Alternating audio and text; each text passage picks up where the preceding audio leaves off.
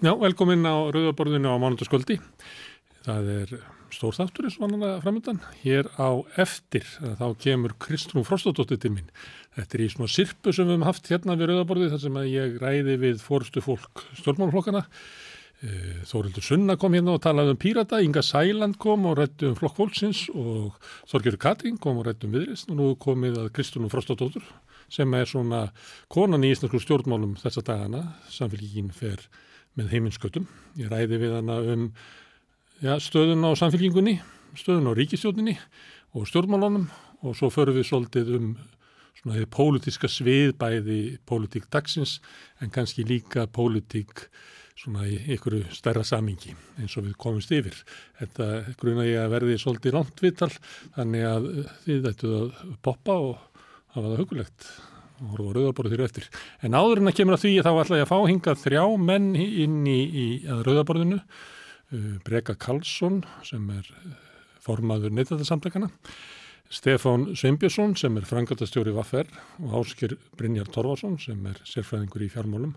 Til að ræða uh, svona hérna háu sekt sem að samkynningsstofnun lagði á samskip, kannski ekki um sektin í sjálfum sér heldur hvað uh, úttekt samkynningsstofnun uh, afhjúpaði um fákeppni á Íslandi og alvarleika hennar og það var líka í síðustu viku lögð fram skísla um bankana um, um ja, til dæla litla samkynni þar. Þetta er kannski já, með allra stærstu málum sem við getum fjallað um ísliku samfélagi því að það er eins og engir markaðir á Íslandi virki að þar sé allt saman fákeppni og einókun sem að þar ræður ríkjum. Fáum úr því skorið hér og eftir þegar við ræði við þessa þrjá herramenn en við ætlum að gera örstutlið með að eru að koma sér fyrir.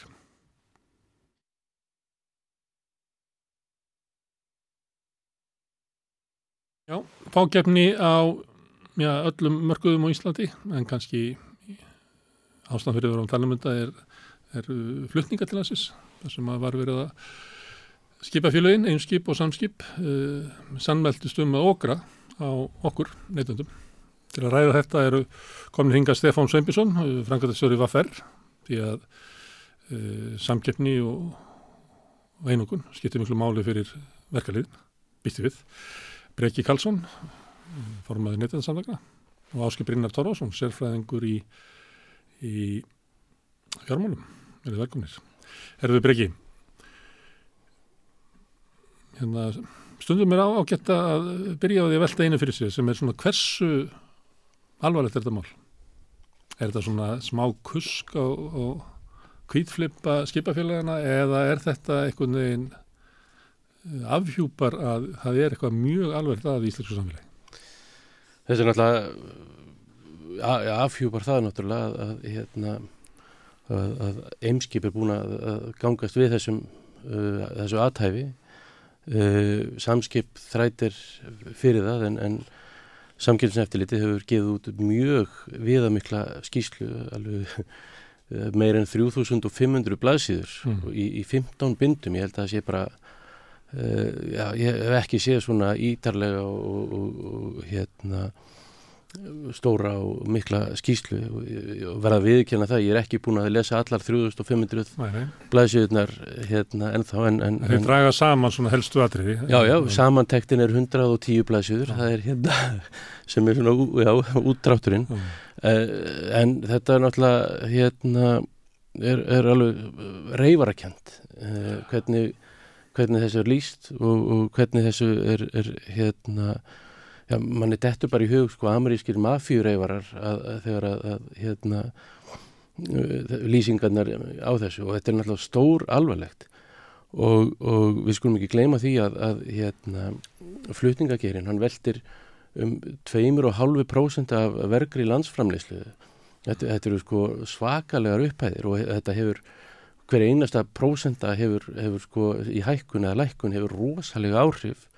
Og, og þarna verðist þetta hafa viðgengist í, í sko fjölda ára og, og hérna þessum henn eru að, að halda upp í verði á flutningum til okkar í uh, neytenda og, og já, bæði beint og óbeint því að, því að við flytjum inn og kannski helminga okkar neyslufurum og þá hefur þetta gífurlega áhrif og maður veldi bara fyrir sér hvað hvað hefur þetta áhrif inn í, í verðlægið og inn í verbulguna Þetta er náttúrulega rúlar áfram því Já. að, að heilsalinn leggur á í prósutum og smásalinn leggur á í prósutum og vaskurinn er tekinn í prósutum þetta er mest að hekka vakskin Þetta er alveg svakalegt sko, og þetta er náttúrulega eh, þetta er, eh, hérna, veldi maður fyrir sér hvort það sé ekki stór hluti bara í verbulguna á, á sínum tíma að hérna, þessi sko ja, gerfi hækkuna eða þetta, þetta þessi, þessi, þessi lifting á verði til okkar neytenda og þetta er alltaf bara með ólíkind mm.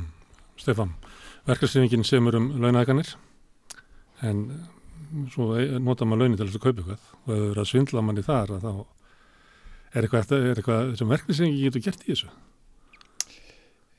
Það er auðvitað eins og Breki segir að, að ég er nú búin að glukka þessa skýslu og, og hún er reyvarakend eins og það segir, þannig að ég hvet þá sem hafa ekki lesið hann, þá er þetta eins og ágætis reyfari að lesa þessa samantækt upp á hundrað og hvað sögum við, tíu síður eða eitthvað svolítið og hérna en það er auðvitað að styrkja regluverkið styrkja samkjæfniseftilitið og við höfum alveg heilt það að, að samtök aðrunlífsins hafa oft talað gegn samkjæfniseftilitinu mm. og við eigum auðvitað bara að tala fyrir því að ebla eftirlitið og við sjáum það í, í, í þessari skýslu að eftirlitið er að vinna sína vinnu mm.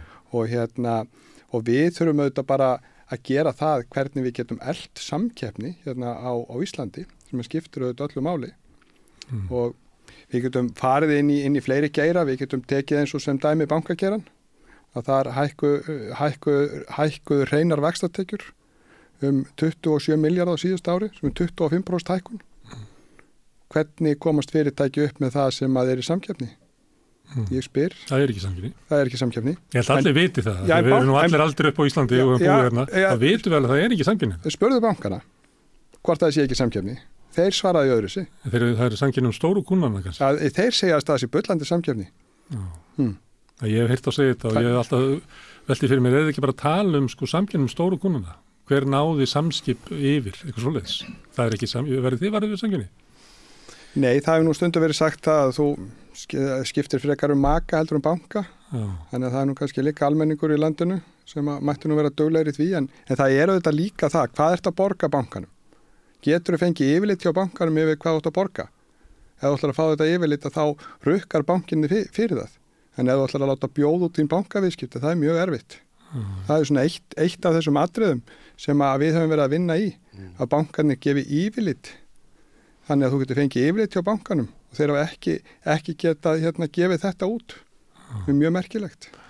Það er á þessum stóru mörgum á, á hér á landi er bara fákjefni það er bara reynd og beint að, að hérna, það eru bara þrý, fjóru stóri aðeinar og, og þetta er hluti af því erfilegum okkar neytenda. Er að, að oft er sagt að hérna, við íslenski neytendur séum eitthvað lélir sem er, er kolrangt því að við erum mjög góðir neytendur allar rannsóknir sína það en, en það að, að fara að skipta um banka, neynda samtökin við skiptum um banka hérna í júni þegar, við, þegar uppkomstum þessi hérna þessar svíksum í, í, hérna, í, hjá Íslandsbanka með sölu Íslandsbanka. Og Stefán og hvað fer líka. Jú, jú, og svo, jú. hérna, já, segi, fylgdu fleiri í kjölfarið, auðvitað e, e, hefur neytendasamtökun er ekki stóra samtök velta ekki, eru ekki svona stóru kúnin og, og örglega ekki mikið hlagnaðar á okkur í, í bankakerfinu, en þetta er meira svona symbolst um, en, en sko eitt af þessu sem, sem hérna, við hefum bent á einmitt að, að hérna og, og við bendum á og ég uh, tóknum þátt í að skrifa þessa kíslu hérna, með bankakerfi, göldi í bankakerfinu. Eitt af það sem við benda á þar er einmitt að, að, að það er mjög erfitt að skipta um banka. Þó, þó var það þannig að í sátt sem uh, samkjöfniseftirlitið gerði, minn langar að segja 2016 þá var það, var það gert fólki auðveldar, það mátti ekki leggja eins mikla uh, grjótrú í götu fólks. Mm Uh, þegar það var að skipta það mátt ekki uh, skuld, skilda fólk til þess að vera í viðskiptum einhver þreymur viðskiptum til þess að fá að taka lán og, og, og, svo framvegis. uh, nú sjáum við að það verður að leggja nákvæmlega sömu steina í götu hérna ný sparisvöld sem við verðum að stofna indó mm.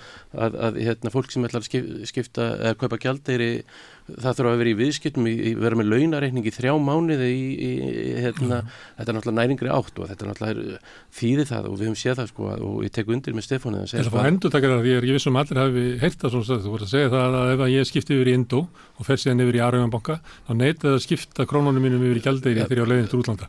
Dæmið sem var tekið var reyndar úr Íslandsbanka, ég veit þekki ekki, þekki úr, ekki úr, úr hérna, en Íslandsbanki eh, krefst þess að þú hafi verið með, í þrjá mánuði með launarreikningin til þess að geta, þá getur kipt gældeiri. Mm. Þetta er náttúrulega hérna, að mínum að þið púra hérna, já, misnótkun á markasanandi stöðu en, en samt sem aður hérna, og nú, nú verður ég átt ég hef ekki, heyrti, hef ekki sko fengið að stærfi sem ég hef heyrt að að 8% hafi samt sem aður hérna, bankanóta hafi opnað reikning hjá Indó. Og, og ef það er ekki hérna Uh, merkjum það að við séum uh, hugsandi neytendur, þá, þá veit ég ekki hvað. Og við sjáum það, en, en sko það er mjög erfitt að, að hérna, færa okkur, ef, við, ef við okkur líkar ekki við eina mat, maturukæðina, þá er bara ein önnur hérna sem við getum valið um rauninni svona, með svona láguru uh, veslun og þannig er þetta með, með tryggingafélina, þannig er þetta með bankavískipti, þannig er þetta með flutningafyrirtengi, þannig er þetta með flest hérna, viðskipti, flesta markaði á, á, í stöðun og þess vegna þarf að vera virkt eftirlit til þess að virk samkeppni virki.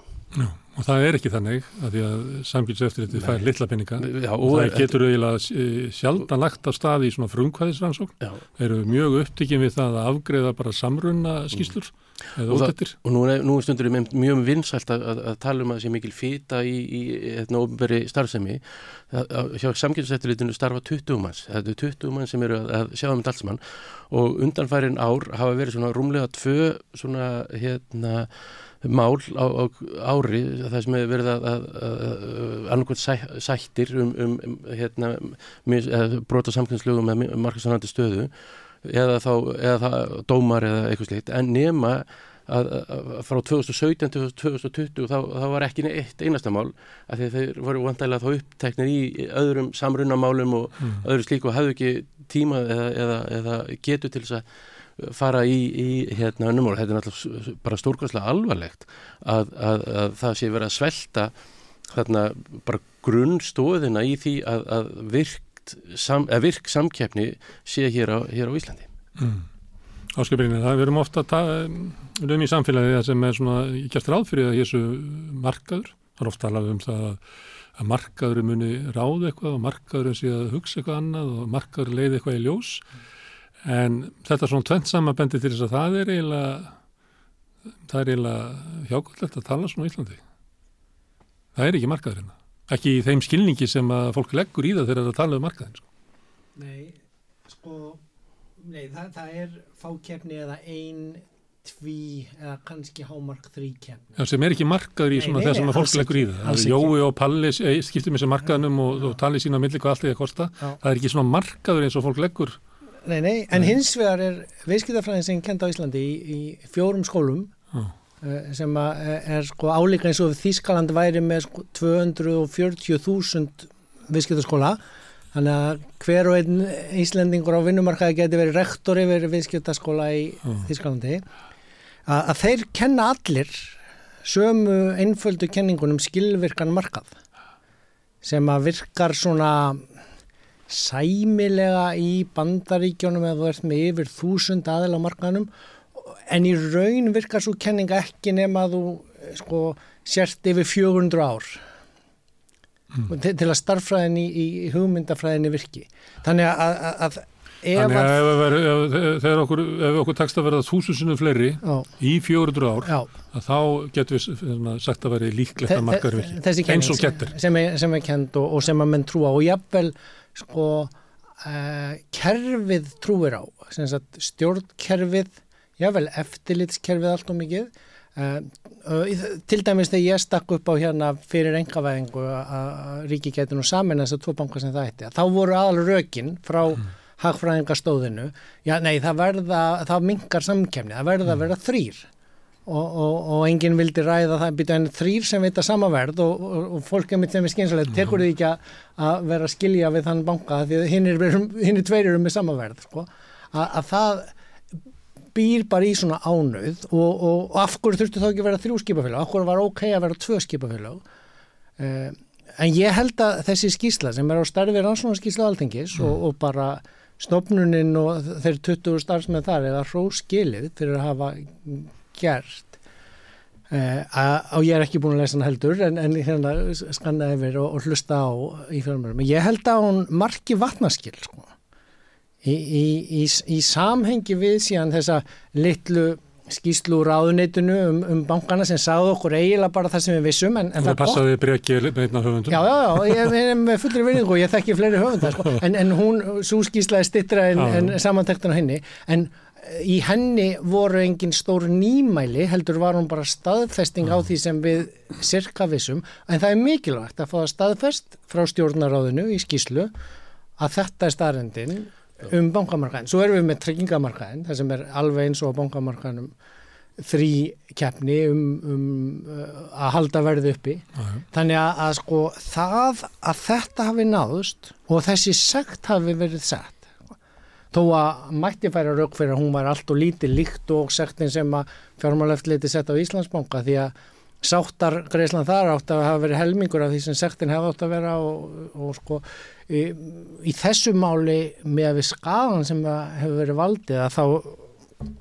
er þetta, já með hvað svona skýrsla aldingiskostæði að þá er þetta nú bara svona upp í kostnað við að, að hérna að sko gera og ég ætla að lefa mér að vera aðeins ósamala fyrir umræðina sessunleitunum mínum sko að ég er ekki vissum að lausnin sé meira eftirlit Ö, þú veist, auðvitað er það hjákállega lítið eftirlit á Íslandi og auðvitað á það að vera í samræmi við önnu lönd en e, og, og við skulum aldrei gleima því að fjármálaráþarna sem ennir fjármálaráþara var e, fjármálaráþaran sem skar niður framlögin til sérstak saksóknara þannig að fjöldin allur á málum úr bankarhuninu voru ekki rannsókuð. Bara uh, þannig að það er starrindi sér Já, það empatis uh, stóð bara fram yfir því. Já. og þau gáttu ekki byrjað neitt mál Nei. gáttu varlega að klára þau sem á voru. Þannig að þetta er bara umhverfi sem við búum í. Það er hægt að breyta því. En ég held sko og ég er ekki að tala um móti auðvitað þarf að efla eftirlit auðvitað sínir þetta.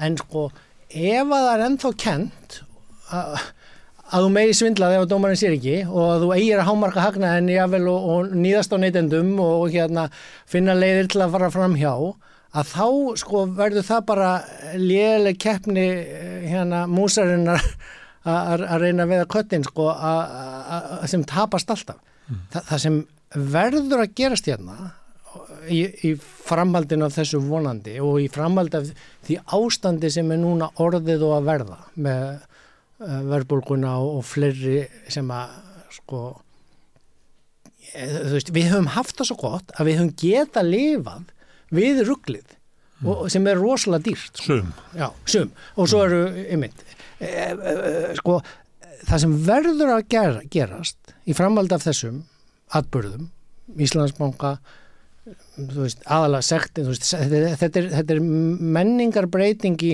eftirlitsinnaðinum hérlendi sem er neikvægt orð hjá samtökum aðunlýfsins og innanins og, lobbyistana hérna, samtökum ríka fólksins að, að sko að sá uh, ég sé ekki fyrir mér gott samfélagi að það verður keppnum að sá yðnar verði, verði starri og starri til þess og, og hinnir ráði sér fleiri lögfræðingar til að fara í mála á móti eins og við sjáum viðbröð samskips við þessum dómi. Ja. Heldur verður að vera hugarfræðs og menningarlega breyting á því hvað það er að reyka samfélag, hvernig ágjörða og hvernig viðskipta menning er í síðum samfélagum. Því þetta sko er já, sko ef við værum í öðru samfélagi að, að, að því nú þóri ég ekki að tala almenna um þessi tildegnum mál heldur. Ímyndum okkur eigu aðeins sunnar í Allansafi það sem væru tvö félög að flytja til landsins og væru með aðganga höfnunum sem við eigum saman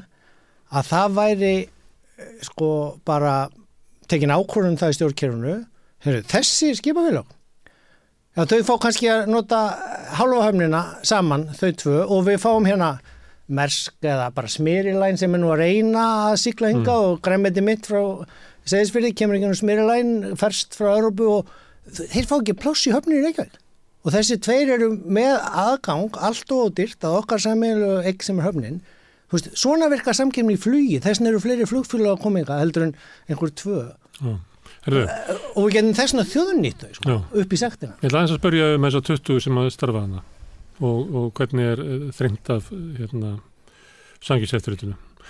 Eins og Áskip Brynna benti á að nú er samskip að undirbúa málaferli, múin að kalla til uh, heilt stóð af lögfræðingum. Ætlar að, að fá lækkaða sektina í, í kærunemdini, ætlar að fá það ennþá frekar lækkaða í hérastómi, ætlar að fá það ennþá frekar lækkaða í landsrétti, ætlar að fá það ennþá frekar lækkaða í, í hérna, hæstarétti, þið ekki þetta.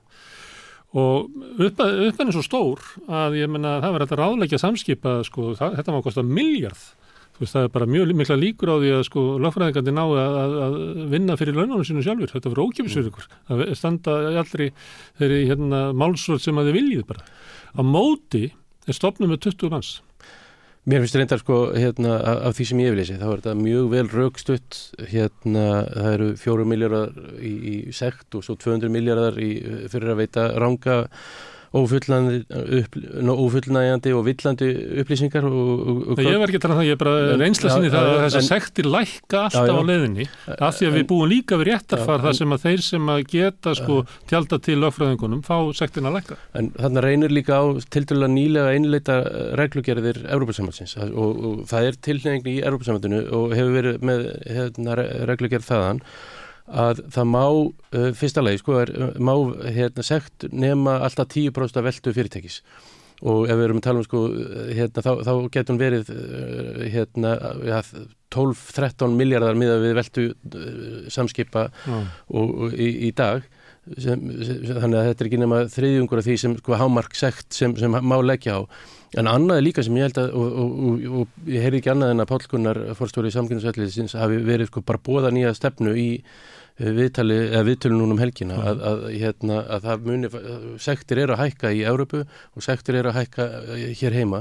En ekki nómið það, þá er að líka sko eru, er, hérna, með þessar innleggingu eh, er hægt að sækja eh, stjórnendur og starfsmenn eh, hérna, til saka fyrir brot á samkjöfslögun sem er líka nýmæli og, og, En það er ekki gert í þessu tilfelli. Jú, jú, það er, það er þrjú mál hérna, samkjöfniseftirliti vísaði þremur málum til mm. hérasaksóknar sem færi með þau mál og eftir því sem ég best veit þá eru fjórir með hérna, réttastuðu grunaðara í, í, í, í þeim málum þannig að það, í þessu málu er, er, er hérna er uh, hérna er verið að sækja uh, mm. þeim megin líka.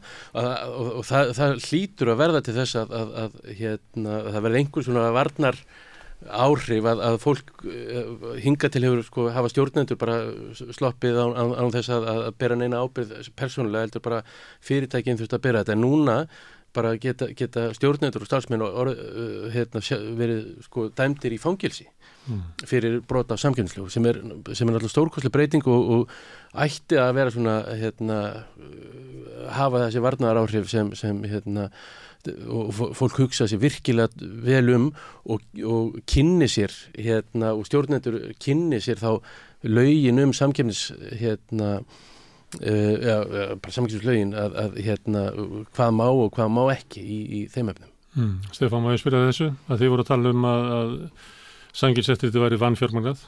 Nú þurfum við að standa í þessu máli, óvanuleg. Samkjömseftirlitið? Já. Já, já.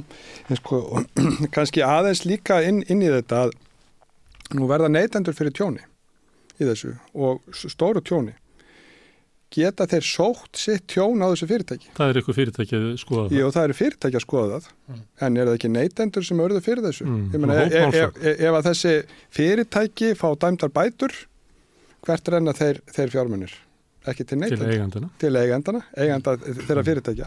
Þannig að það er mjög erfitt fyrir neytendur að sína fram á beint tjón í þessu máli. Mm. Og hérna fyrir lítið neytenda að þá er það mjög, mjög erfitt. Það er ef eitthvað ætti að standa fyrir slíkri hópmálsókn þá væri það að breyki. Já, já, hann kemur ég- kannski inn á það á, eftir og hérna, en síðan er það bara líka sem að maður velti fyrir sér. Hvernig er verið að viðhorfi gagvart þessum brotum? Við sjáum sektir á samkjöfniseftirlitinu aftur og aftur og aftur og stjórnendur halda áfram í fyrirtækjunum og slíkt. Mm. Við séum margar svona í fjarskiptakeiranum, mjög margar sektir koma, koma, koma þar upp. Korki eftir árið á viðkomandi fyrirtæki, nýja viðkomandi geira, nýja viðskiptarlífi almennt. Nei, ég meina og stjórnendur þarna inni. Mm. Þannig að, að það er eitthvað í viðhorfi í samfélaginu og viðhorfi hjá stjórnendum að þeim finnst þetta ekki vera alvarleg brot. En viðhorfin er ekki, það er ekki göllu viðhorfin á neytendum. Þetta er bara, þetta er byggt hjá þeim sem er að fara með þetta vald.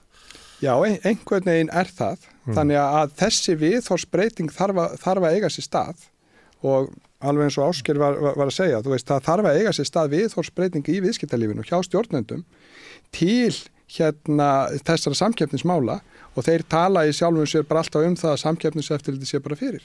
Já, Mm. og fá uh, pólitískan stuðning til þess. Já, já, og, Víða. og, og stuðningur fjölmiðlum og slíkt, mikið Mm. stuðning. Já. Hópmálsar.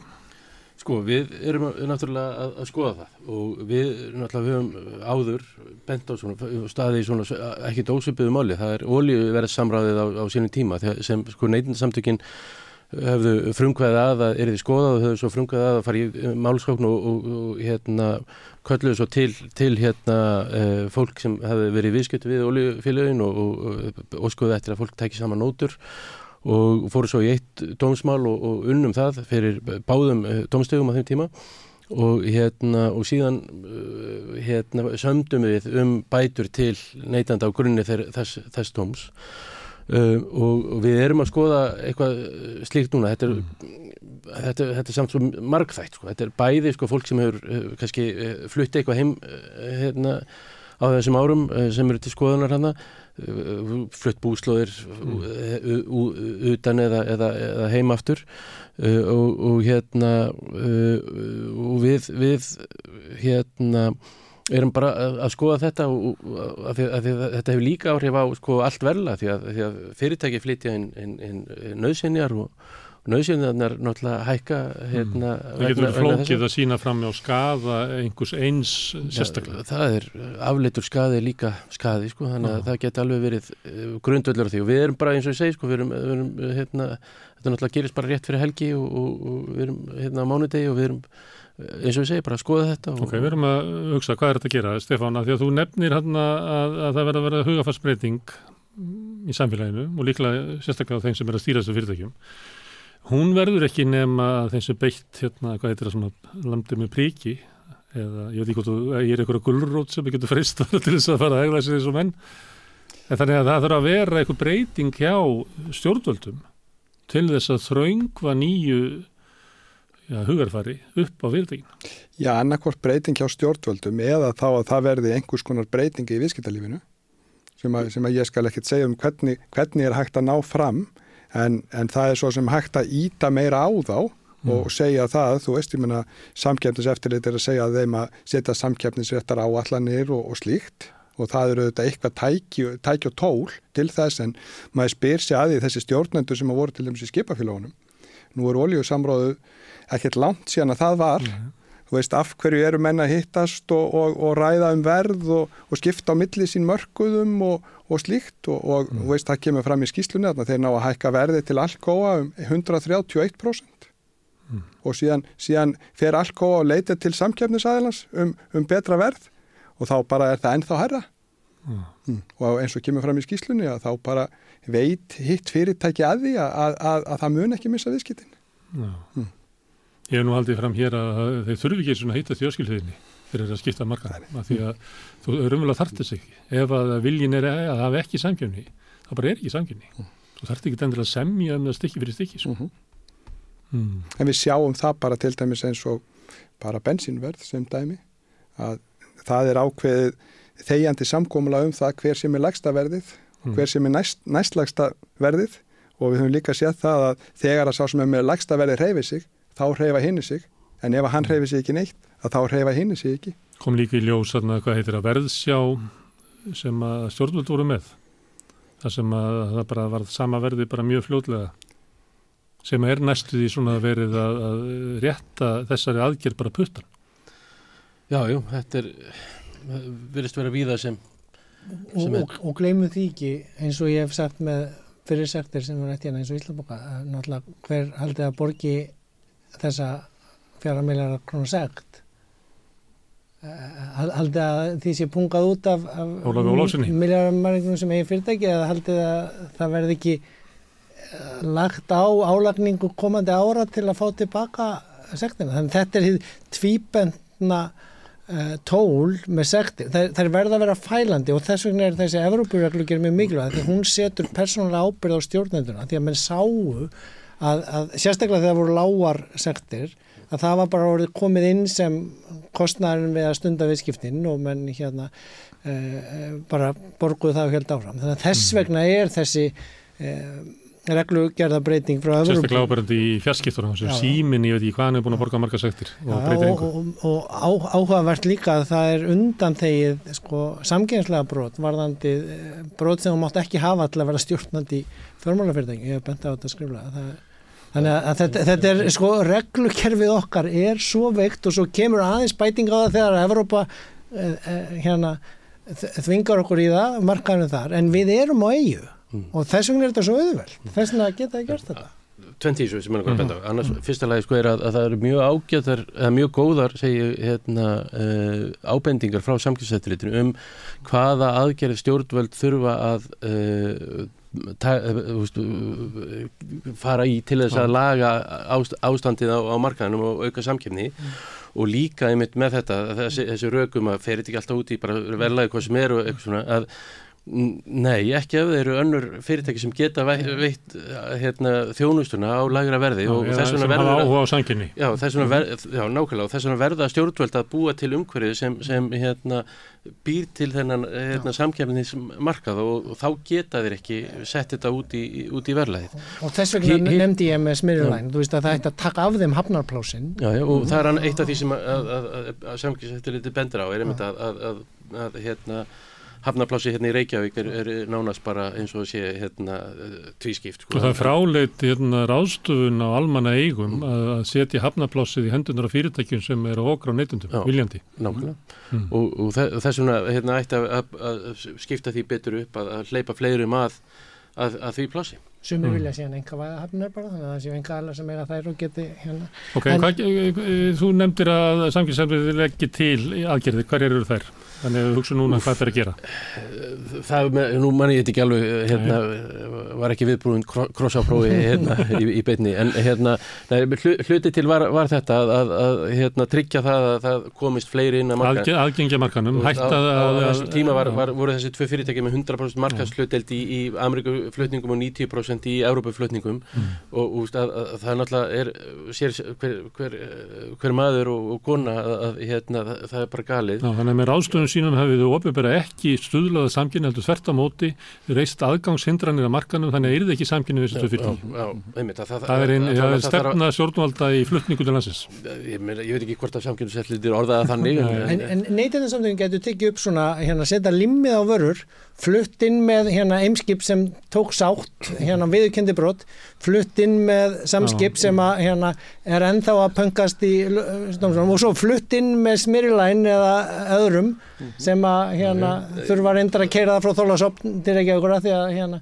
þannig að til dæmis. Já, já, ég, Ég ég meina- það er ímislegt sem var hægt að gera maður veit ekki hvort að, já, já, einmitt það, þetta er hugmynd í, í, fólki, En annað sem, sem við þurfum að gera líka er að það, það er reglugerð frá 2014 Európa-reglugerð, af því að þú talum að, að bara flest allt allar réttarbæti fyrir okkur neytendur hafa komið frá Evrópu og verið bara þvingaðar. En það er, er um einmitt hópmálsáknir frá 2014 með minnir 400 og eitthvað eh, hérna, eh, og, og, og það er eitthvað sem við höfum óskað eftir og, og, og bara krafi stjórnvöldum uh, í allavega undanfærin fimm ár að verði innleitt að, sem gerir það að verkum að verði mjög, miklu mun auðveldar fyrir neytendur að sækja sér bætur fyrir hérna uh, fyrir samgjöfslagabrót og, og það er eitthvað sem myndi líka vera svona hérna, fælandi fyrir fyrir uh, fyrirtæki og stjórnundur fyrirtæki að, að fara út í svona. Og, og þá verður miklu, þá þurfum við ekki að þá er, reglugerðin gengur út af það að, að, að hérna sönnunabyrðin þarf ekki að vera jafn sterk eins og í, í,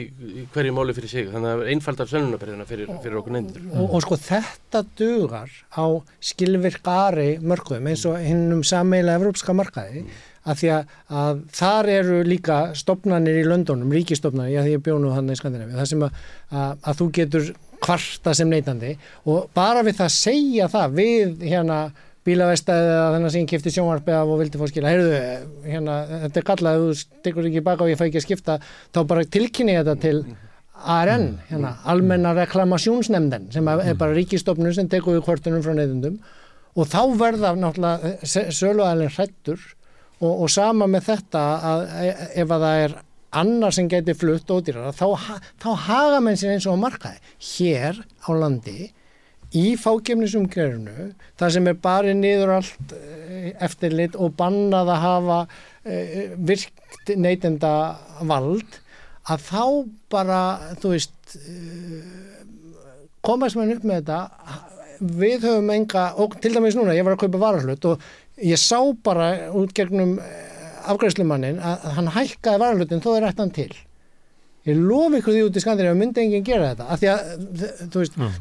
þar hefur verið sagt um mig, þú færði þetta hérna á gamla verðinu af því að við höfum eftir að panta nýtt hér bara græðar á lagernum sínum hækka og ég get ekki kvarta með neitt, ég get ekki sagt neitt sko, mm. og þú verður bara að borga Ég verður að skjóta það sér inn vegna þess að við erum líka í útvarpi og þess vegna verður ég að segja fólki að við sittum hérna við rauðaborðið og ræðum fákeppni á íslensku markaði og með mér eru Stefán Sveinbjörnsson, frangotastjóri Vafer, Breki Karlsson, formaður Eh, neytandarsamtakana og Ásker Brynjar Torfarsson sérfræðingur í fjármálum.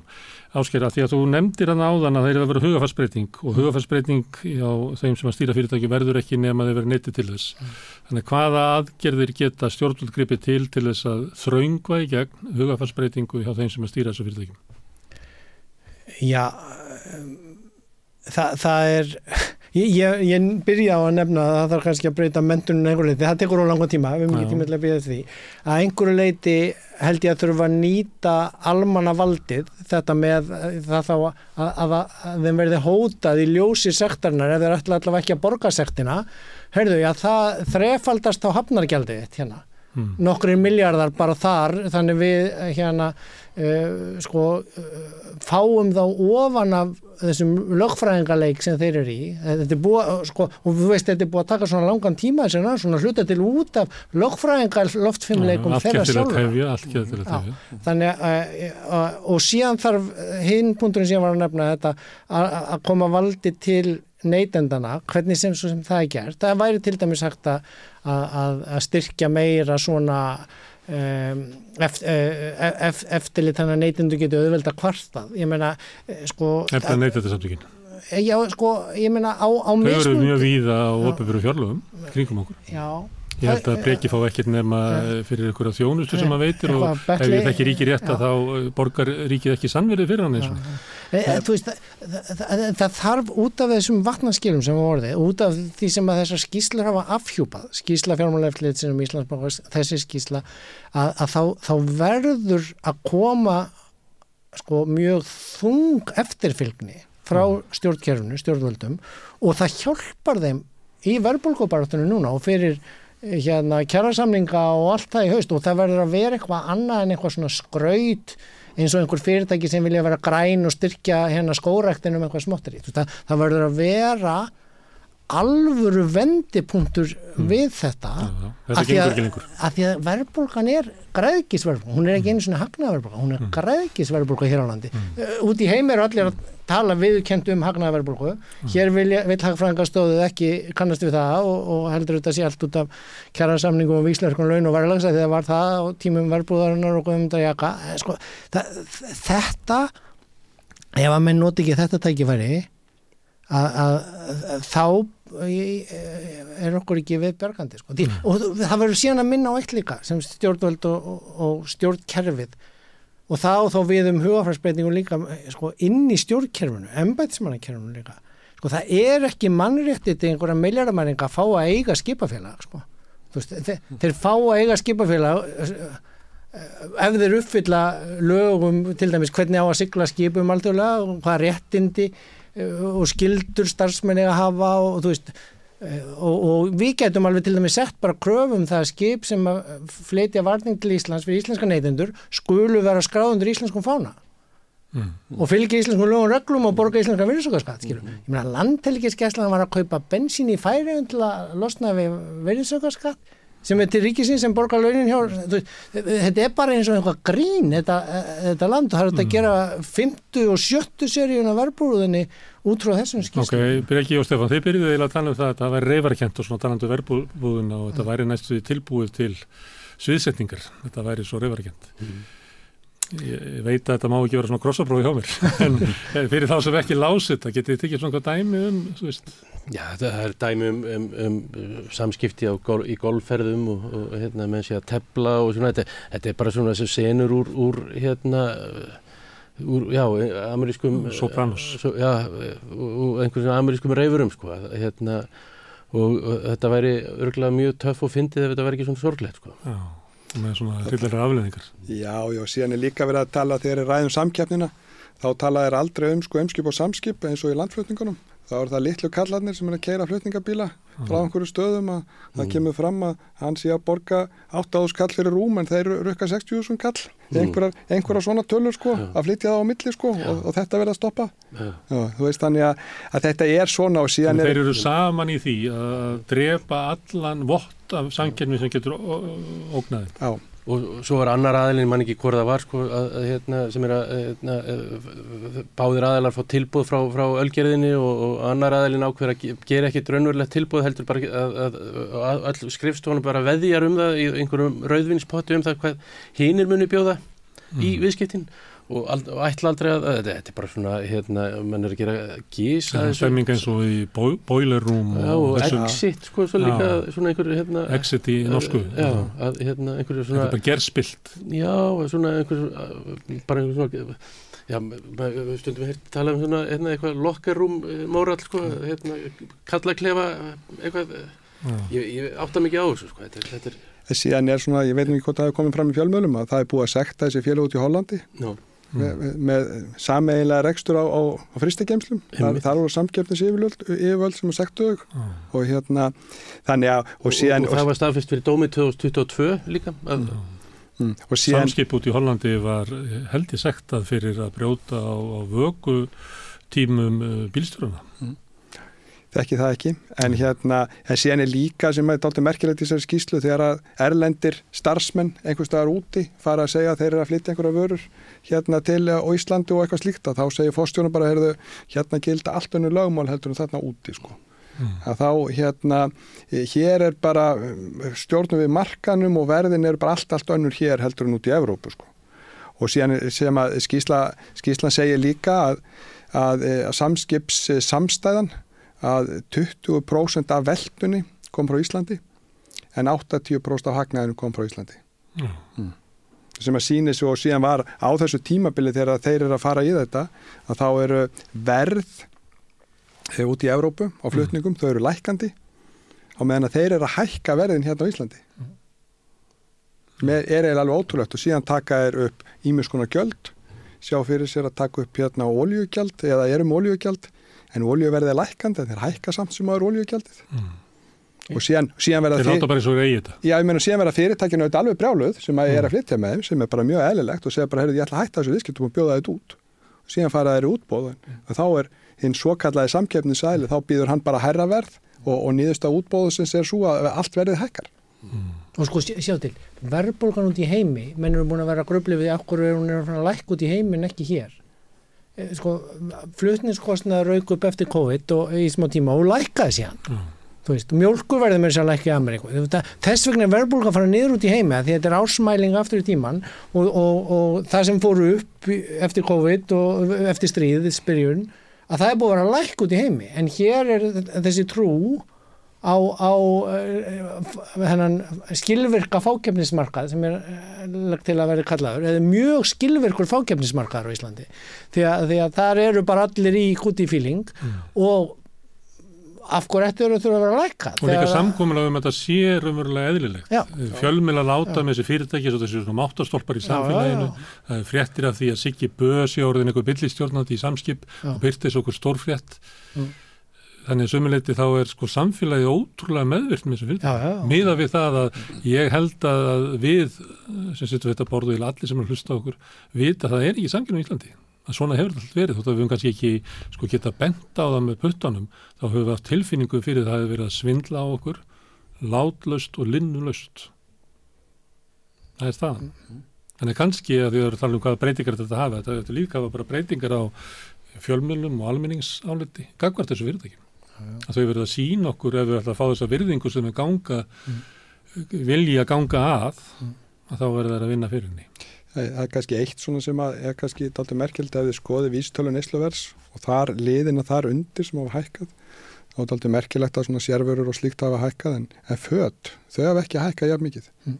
og akkur allir þessi Þetta pantaði á netinu. Já, það er þetta, það er þetta pantaði á Það er netinu samkeppni. það er samkeppni það hm.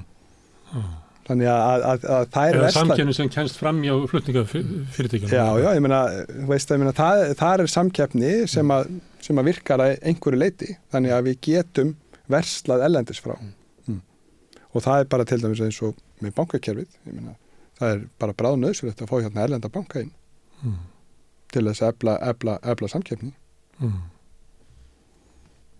Já, allavega hjálpa þessum litla sem var stopnaður sem við nefndum inn í byrjun, Indó, en ekki að leggja stein í götuna hans. Og, en, en skiljanlega fyrir fólk orða ekki... þannig að ekki að leifa öðrum bönkum að leggja stein í götu ný, nýra á markaði. Já, já. Mm. en við sjáum það líka bara með vaksta hækkanina til dæmis og þetta kemur nú fram í skýslu Sælabankans af þessum 27 miljardum sem að, að bankarnir jöku álagningu sína síðast árið þá eru 10 miljardar sem að koma út af veltureikningum og þegar vextir hafa verið að hækka hérna núna undarfarið þá er bankarnir ekki að hækka vexti á, á veltureikningunum hjá sér ætliði séu kannski núna 1,5% Nei, Beitt ríkistuðningur í vasa Beinn- hlut, beitt ríkistuðningur, hækkun stýrifæsta beinn- til, og, Eigandi og, og, og þeir sko fá þína peninga lánaða á 1,5% stökstum Mm. síðan geimaður það inn í Sælabankanum á hvað 8,75 Mm. hver, hver er álagningin? Mm. Hún er sko, fjórs fimmföld. já ég meina við erum að tala um 5-600% álagning Og, og, og það þarf ekki að borga, það er ekki gert í öllum löndum að borga böngum vexti á einstæðu bankan í selbankan. mm Það er bara ákvörðun í, í stjórnvaldsákvörðun. Sko. ég meina Sælabankin er þetta bara að dæla peningum út í bankana núna til eigandi þeirra. já, til, já bara til bankana Já, og þeir, þeir síðan gefa konunum smá. Já, þú fær- já. Þú Ég menn það kom fram í skýstunum sem að Breki tók á því að taka til að allur ávinningu bankana fyrir bara beint til eigandara. já, Já, það er þannig. það er engin samkefni. Þeir það eru er- í fókjefni. En það er þetta merkilegt líka, bankanir segja bara já, við erum búin að auka arsemismarkmið okkar og við þurfum að ná þessari arsemi Mm. Og síðan bara ná þær þessari arsemi. Já, og út í heimi er búið að vera að lækka. Já, ég meina, og þú veist, arðsemi notabenni er ekki góður rekstur, Nei. arðsemi er það hvernig eigendunum, hversu mikið eigendunum alltaf taka upp úr reksturinum Mm. til þess að borga en, skýrslan sínir bara kannski fyrir ekki að, að, hérna, að, að lækkun á, á þessum sérstaklega bankaskatti sem við vorum með sem bankanir hérna, kvartuðu mikið yfir og vildu uh, fella niður að þetta heldur vextum hjá þeim sem hátu upp hann skilaði sér ekki til eiganda þe- þeir eru að segja líka að, að, að núna eftir að, að það sé ykkur sérstakar sér íslenskar reglur um, um banka. Jú, það er að, að, að þeir þurfa að halda eftir hérna harra hlutvalla eignum sinum en arðsemi hildareigna íslenskra banka er samt sem aður helmingi meiri heldur en arðsemi sambærlega banka í Európu, í, í, á Norrlöndum að hérna, það er sagt, 1% í, í, á Norrlöndum en 1,5% hér hér á Íslandi. Og það er sagt, fyrir utan allar þessar bindiskildu sem, sem er hérna lagt á herðarera þannig, að- þannig að uh, ein, einu hérna sér íslensku kröfunar eru kröfunar sem íslensku bankarnir leggja á herðar neytendum Þetta er velferðaríki fyrir fjármakseigandur og fyrirtækiegandur Mm. og neytendur, það er nýðist á neytendur. Mm. Ég leiði mig stundum að kalla þetta allræðu auðvaldsins. Það er nú annað. Herðu, gaman að fá okkur hingað uh, Stefán Sveinbjörnsson, Breki Karlsson, Áskip Ríðan Torrarsson. Kjærða þykir. Takk. Þeir ætla að fara hérna frá Rauðaborðinu og rýma fyrir Kristúnum Frostadóttur sem kemur hérna til mín og við ætlum að ræða um pólitík eftir augnablik.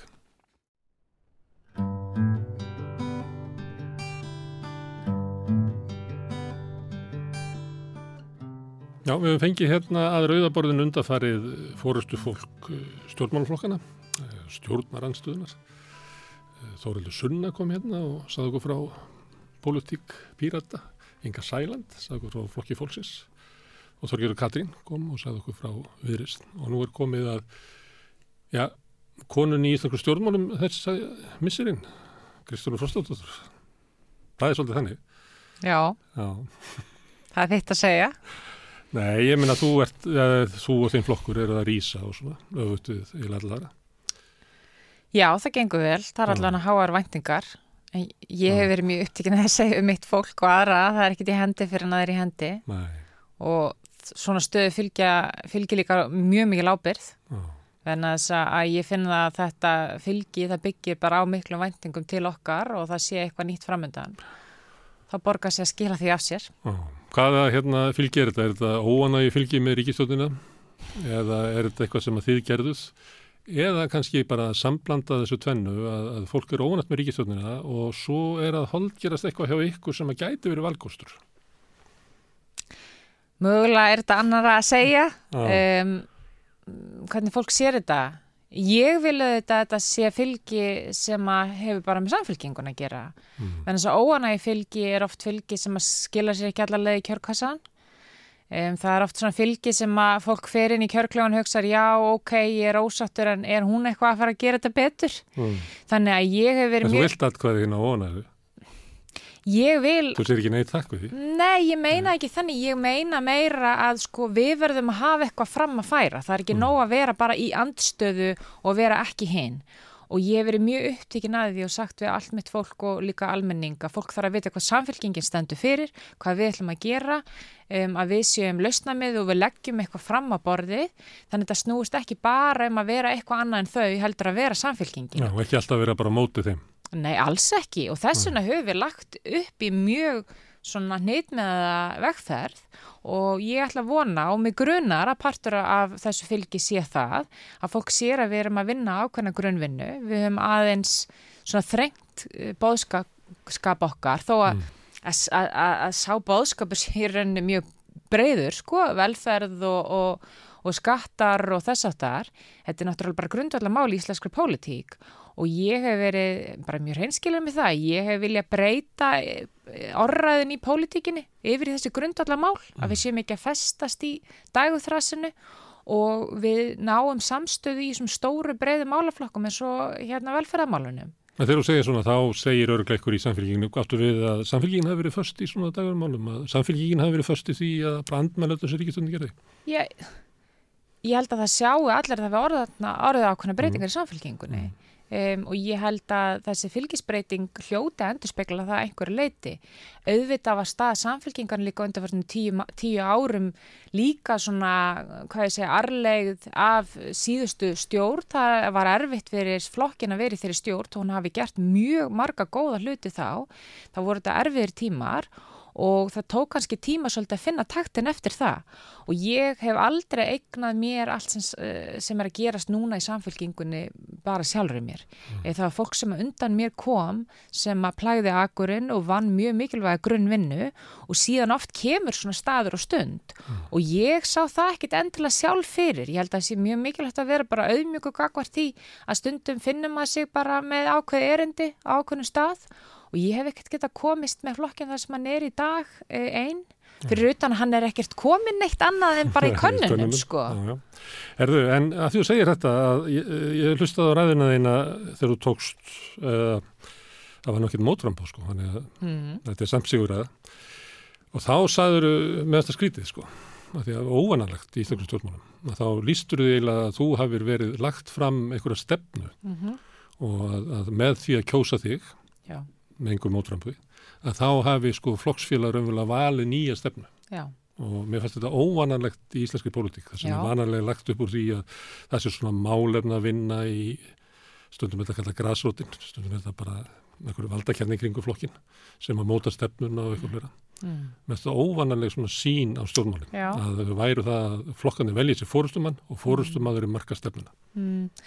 Ég sé þetta ekki sem svo að ég sé að marka stefnu um, ég er hins vegar að forgangsraða.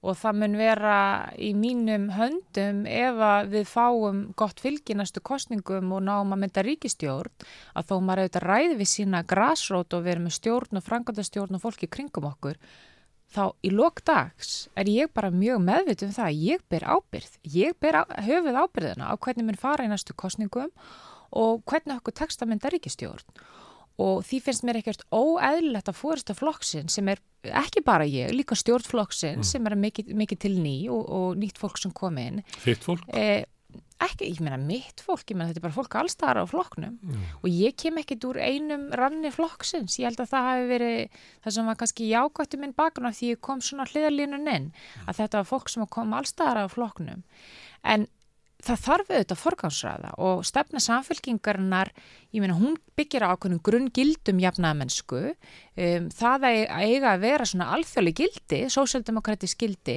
síðan eru við með langa stefnu, 70 blæsina stefnu sem að hefur verið samþygt á landsfundi og unnið að, en það hlýtur að vera í höndum þeirra sem eru í fórstu flokksins að velja úr hverju sinni hvað þau tellja sér raun eftir að ná í gegn og ég taldi mig hafa umboð til þess. Fa ha hafandi farið og tala við hundruðu manna eh, fólk með jafnaðtög, ekki allt fólk sem er skráð í samfélkingun en fólk sem vil sjá breytt stjórnafæri landinu. og, og fekk þar þá tilfinningunni hvernig það vildi forgánsræða og flokkur eins og samfélkingin sem ávera flokkur launafólks, almennings hann hlýtur að þurfa að fara út og taka púlsina fólki hverju sinni ekki bara fólkin sem mætar á landsfund og reyna að átta sig á því hvernig vil fólk forgánsræða hér og nú hvað eru vandamáldagsins í dag verðan þess að flokkur sem horfir bara endalist innan við hann bara missir sitt erindi. Þannig að þegar ég tala um umbúð til ákveðna breytinga á stefnu þá snýst þetta um að ég tek því bara alvarlega og horfa jáð sem, sem hlutverk fórustumanns í þessum flokki að taka erfiðar ákvarðanir fyrir hönd flokksins. Síðan er það auðvitað í höndum flokksins hvað það vil gera við það. Það er landsfundur og tveikjar á fresti í samfélkingunni og ég þarf að endur nýja mitt umbúð eins og hver annar næsta landsfundi.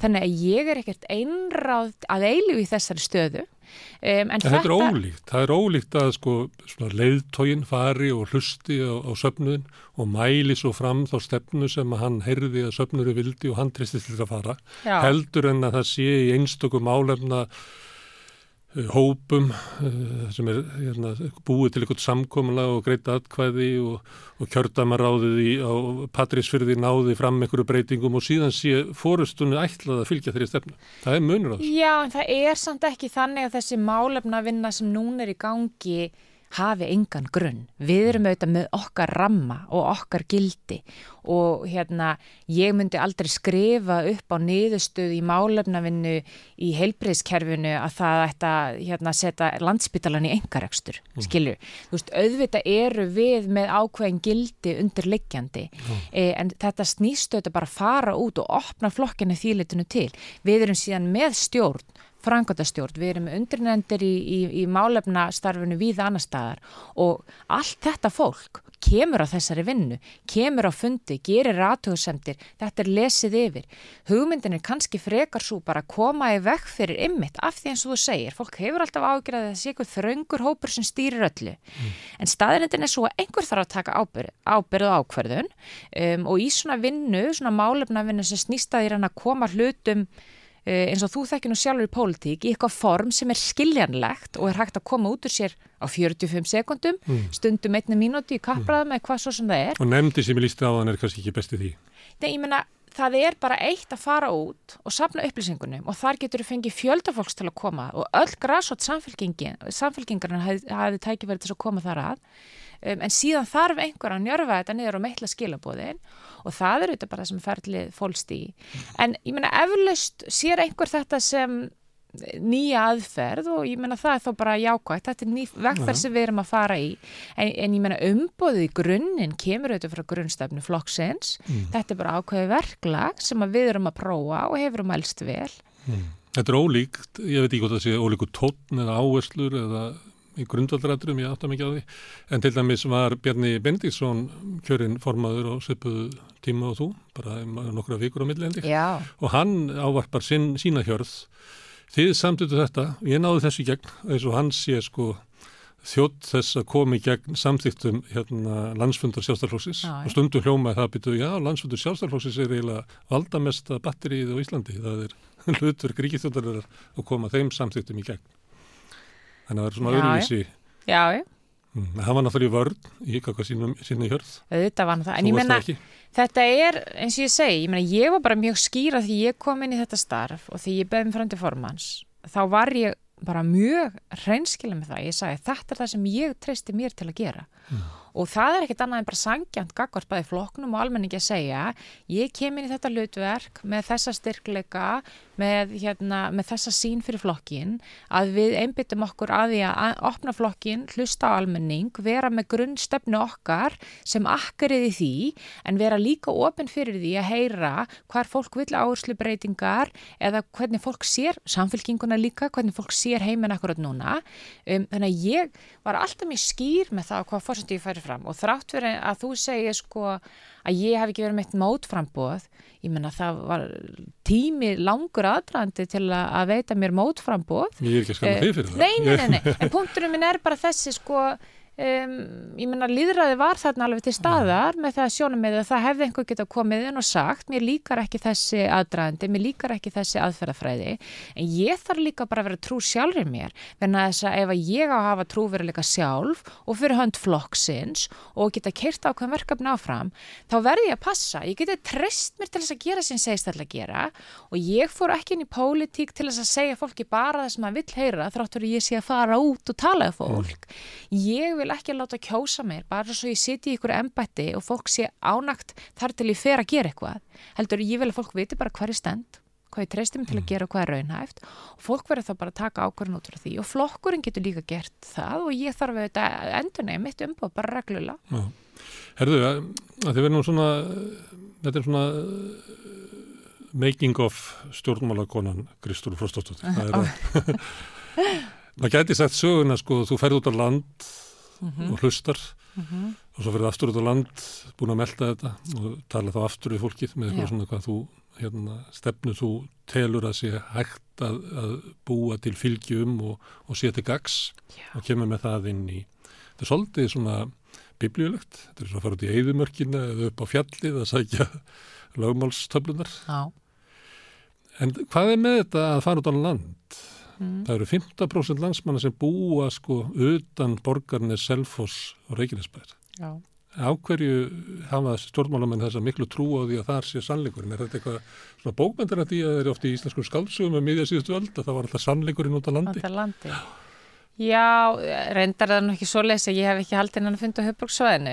Ég held bæði... En hlutastlega fleiri fund út á landi. Já, en partur af því er náttúrulega, ég meina, ég bý bara í Reykjavík, já. ég bý hérna á Hálitsbrutinni og ég meina, fólk sem er á höfbruksvæðinu hefur bara miklu ríkulegri aðgang af mér en fólk sem býr fyrir utan höfbruksvæði. En er það svolítið þannig að fólki út á landi tali svona já, svona bara hrytni svona, sem er hrytni afstöðu í politík minna bullshit, getur við sagt. Ég held að stundum sé ásletning kannski bara aðeins, já, hrytni þar eru skýrari. Um, þar farðu kannski beitna í æð.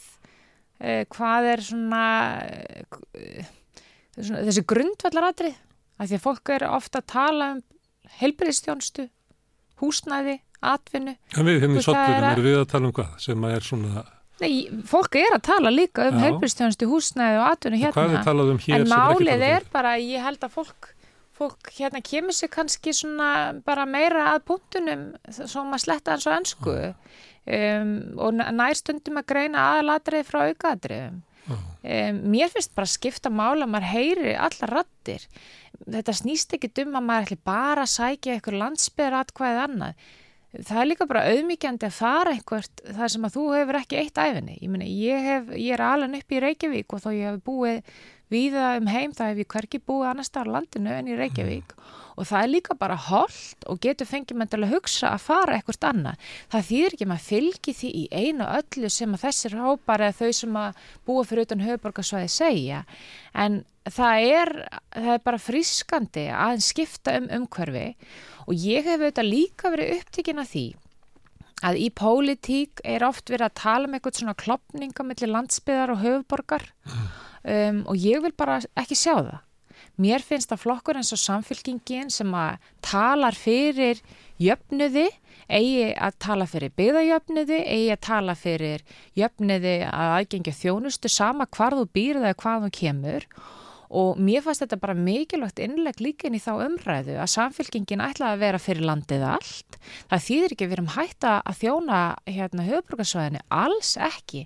En þetta er kannski svona ákveðin afriting sem að þurfti líka þegar sér stað vegna þess að ef ég segi alveg eins og er þá að mörgum þessum fundum það var fólk bara hissa að maður væri komin yfir höfuð Það er ekki krati komin í bæinn? Nei, ég menna fólk var bara hissa að maður væri komin, punktur. Mm. að maður væri komin og það var ekki tvær vikur í kostningar skilur og ég held að það segi allt sem segja þarf um að fólk hafi upplifað sig afskipt. Þannig að fyrir mér skiptir ekki öllu máli hvar meirluti atkvæða er. Ég menna ef ég hefði bara verið að hugsa um meirluti atkvæða þá hefði ég ekki farið á langarnesið sko. En það þýðir ekki að fólk hafi ekki rödd þar og eitthvað máli að segja og geti veitt manni ákveð perspektíf. Og þetta var bara mikill innblástur fyrir mig og, og vonandi bara verklag sem heldur áfram.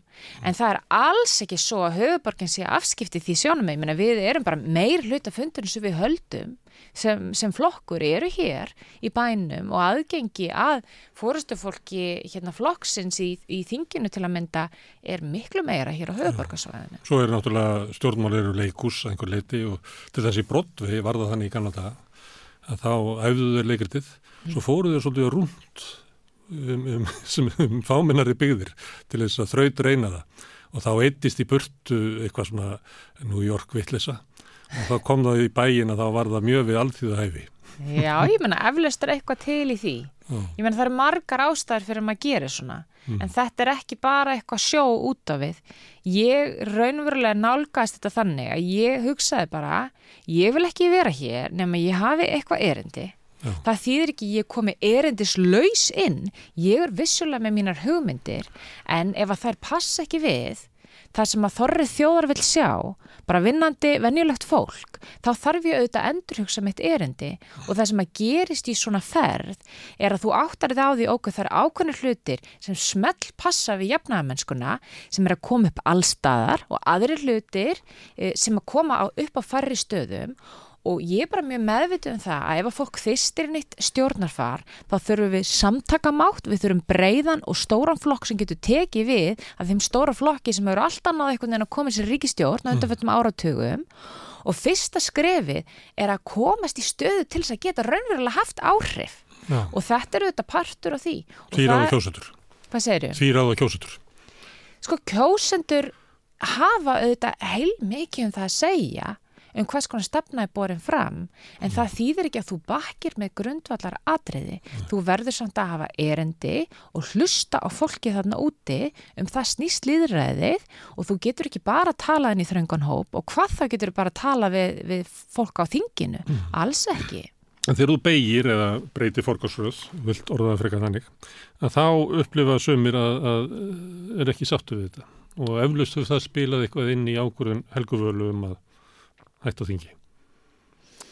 Ef að samfélgingin væri svona parti eða strætóferð sem að hún myndi segja fyrir sér að væri sko skemmtileg, að þá hefði hún líklega setið áfram. Ég, ég veit nú ekki um það. Og ég hef engar aðra fossendur en bara að... Þó hún að skell ekki hurðum og þetta ekki eitthvað Nei, en þá... veistu smári, ég bara trúi henni þegar hún kemur fram og segir að hún hafi sína fossendur til þess að fara í annað starf. Og ég legg ekkert meira upp úr því. Hún sagði það reyndar hérna í sumar, ég tóku þennan vital og ég spurði að henni, ertu ekki að segja af þér þingmennsku í vitalinu? Það var svona eitthvað, já, eitthvað svona. Það, hún var að tala sig inn á það, sko. Já, en ég menna, enda held ég að þessi bara mjög eðlulegt eins og í öllum ákvörðunum í lífinu lífi. að hlutir hafi einhvern aðdraganda um, og ég, ég held að við hefum bara virða það við hana og það var líka bara mín tilfinning þegar ég rætti við hana að þetta snýrist frekar um að henni langaði til að fara að gera eitthvað annað og ég meina hún hefur haft bara mjög öflugan og sterkan sessi þessum þingflokki fólk getur verið ósamalum einstaka atriðin í grundvættar atriðin voru ég og Helga vala sammála um, um grunnstefnu flokksins og það verður ekki tekið af henni allt sem hún hefur gert. Ég meina ég hefur líka bara það er persónulega tengingu við hana þegar ég kom fyrst inn í flokkin í aðrand síðustu kostninga kostningum þá var hún oddviti með, með frá mér og kendi mér bara mjög margt þannig ég er henni mjög þakklátt Mm. e, fyrir allt sem hún hefur gert í gegnum tíðina. Þetta hefur bara mikil áhrif á okkur auðvitað að sjá hann að fara úr þingflokknum og það er eftir því tekið það er allstaðar eftir því tekið. En fólk getur líka bara upplifað uh, að sín stundi liðin og það getur verið á persónulegum ástæðum og við virðum það öll. Og við, við, veitum líka alveg eins og hún saði sjálf í þessu viðtali sem að mér fast bara svona mjög smart orða hjá henni að, að, að þegar að fólk fer líka þegar flokkur er í svona stöðum sem við erum í núna getur það stundum verið auðveldara. Það kemur maður í mann stað og ég veit að henni er mjög hlítið dagversta sem er að koma inn fyrir hana. Þannig að mér finnst algjör óþar að vera að lesa eitthvað meir út í það, ég menna ég og dagbjörtur er líka ósamal um nokkra hluti það þýr ekki við vinnum ekki mjög vel saman. ég er líka mikið hún myndi líklega miða við hvernig hún hefur tjáð sig og tala undan það, hún myndi líklega hafa Evropamálinn framar heldur þú. Já, og ég bara verði það líka við hana mm. og ég hef ekki gert neina ratöðsamtir við það, en hún skilur líka á hvaða vegferð við erum sem flokkur og hvernig við erum að forgánsraða þannig að, ég menna, það er bara mjög eðlilegt þú ert komin í stóran flokk sem að samfélkingin á að vera að það séu skiptarskoðunir um einstakamál svo lengi sem fólk er, sam, fólk er sammála um grunninn mm. og það er bara mjög eðlilegt og þú þekkir það eflust í þínu flokki líka að fólk takist á um einstakar hluti en það þýðir ekki að fólk láti sig hverfa út af því. En ég flokkar eru oft myndari utanum það sem við getum unnið saman að við getum samkómulega um það hvað það er en Já. það er ekki samkómulega um við séum sammála um allt og í öllum málum alla tíð. Nákvæmlega. En ég herði viðtal við hérna, vikulókunum Já. með Þorgerði, Katrínu og Lilju Já. og þá var spurt um Helguvölu sem var eiginlega frétt þann, dag, mm. þann dagsins og ég hlustaði og sér býtu létt Helga vanlega ekki vita Herður þetta bara í lastið í mókunum? Nei, nei, nei, nei. Það var náttúrulega mjög óæðilegt að svo væri. Hljómaði þannig? Hljómaði það þannig? Ja. Nei, nei, ég held að hann hafi spurt mér hvort þetta hafi komið mér á óvart og þetta kom ja. þessi ákvörðun mér ekki óvart en ég held að þetta hefur freka verið orðið með þeim hætti, þetta kemur það alltaf óvart þegar fólk tekur að lókum ákverðun það er auðvitað bara þannig. En það er bara eins og öllum vinnustöðum að, að sko það er auðvitað bara alltaf leðilegt þegar leiði skilja. Mm. en uh, það vita það allir sem eru í svona nánum samskiptum í þingflokki að það er aðdraðanda ákveðin hlutum. Um, þannig að þetta, að þýlitunum tilkomið ekki óvart. Nei, kom mér ekki óvart Ég hef talað þenni sumar, það komið bara ekki að tóra. En það er bara ekki mitt að vera, veistu, það er bara ekki mitt að vera að segja frá því. Þetta er bara persónlega ákvörðin sem fólk tekur og aðdraðandan svolítið ákvörðin að fólk bara fá eiga með sjálfum sér, sko. Mm. Ef þetta væri sjálfstaflokkurinn að þá hefði Helga vala sagt, ég fór og tilkynnt í bjarnabyrjandi sinni. Já. Og það er stemmingin á þeim bæ. Herðu, talandum um, um, um þann flokk og ríkistjónina. Við erum með þessa ríkistjón sem að nýtur mjög takmarkaða stuðnings út í samfélaginu. Mm -hmm. Dinglar í svona þriðjung, flokkan eru samanlagt búin að missa mikið fylgi, þeir voru með hvað 54% held ég, eða 52 eða 54, eru komin nýri eitthvað 33 eitthvað, allir flokkanir tapar miklu fylgi sem að veldur hérna kurr í flokkonum, mm -hmm. allir fórustumenninni þar að leiðandi í svona hálgjörðum erfileikum í sínu baklandi mm, sem að, að gerir þeim erfiðara fyrir að svona leiða flokkin, það er þannig. Og síðan koma þeir að, að, að borðinu og vera að reyna að ná samkomlagi hver með svona meiri bríningar frá sínu græsrótaldurna áður um að halda sig við sína stefnu já, já. sem gerir ennþá ólíklegra að þessi ríkistöld ná einhverju saman? Það er engi glaðum þessar ríkistöld, ekki græsrótflokkana, ekki almenningur ekki stjórnarnast að býst í við nema þeir séu ánað með það að vera á móti fondur ríkistjórn. Eða einu sem eru ánað með þessa ríkistjórn eru fórustum en stjórnarflokkana sem að segja að það sé gott allt í góðu. Hvað, þetta er eiginlega eh, hörmungar ástand að vera með þetta ástand upp í brú ef við líkjum stjórnmálum við siglingu. Þetta er auðvitað ekki gott ástand og ég held að maður geti bara fullir það bara sem svona venilegu borgar í samfélaginu sko, ekki endilega sem formar stjórnmálaflokki að mm. fólk lítur að gera það kröfu, það er bara verið að borga fólki háar sömmur og veita þeim mikla ábyrg fyrir að stýra landinu og, og koma sér saman líka sem er mm. annað, ég menna því við vorum að tala um stefnu og fórustu og ákvarðanir og forgánsöðun, ég menna mm. partur af því er að fólki í landinu gerir kröfu og fólk getur bara komið sér saman um ákveðna hluti og það eru þetta erfitt að horfa upp á það að, að það virkar eins og það sé fleiri neginn ríkstjórn í landinu. Um, að minnstakosti þrjár ef ekki fleiri ef við förum bara að skoða einstakar ráðuneyti verðan að mm. það er ekki samljómur í því sem þau gera. Og algjörlega óhugði hvað maður stendur í pólitík er bara erfitt að horfa upp á þetta verðan að maður átt að segja á því að það er ekkert mikið að fara að gerast núna. Á næstu vikum, mánuðum, árum, sama hver lengi þau ákveða að setja saman og erindi þeirra er uppurið að mínu mati. En getur þetta haldið svona áfram? Ég finn að þú er ekki reyndur stjórnmálamadur, þannig að Nei. ég vil ekki vísa þetta til þess. En gengur það lengi að ríkistjórn svona stjórnir umverulega í óþokk mikils meirölda þjóðrans? Ég held að maður þurfum ekki að hafa reynslu og pólitík til að velta fyrir sig hvort þetta gangi eða ekki. Ég menna þetta er bara frekar einföld krafan sem er gerð til fólks. Ég er að menna, það gæti allir... hangið svona í tvö ár. Það, ég, ég veit að ég er ekki frekar en þú smári og ég, það kom alveg tímabil í sömur þar sem ég held að þetta væri búið og svo önnur þar sem þetta væri ekki búið og það ert að lesa í alls konar hagsmunamat Nú er verið að velta fyrir sig hvort að borgi sig út frá fjárhástöðu flokkana, svo er verið að velta fyrir sig hvort að borgi sig út frá fórustu fólki flokkana og heit og þetta.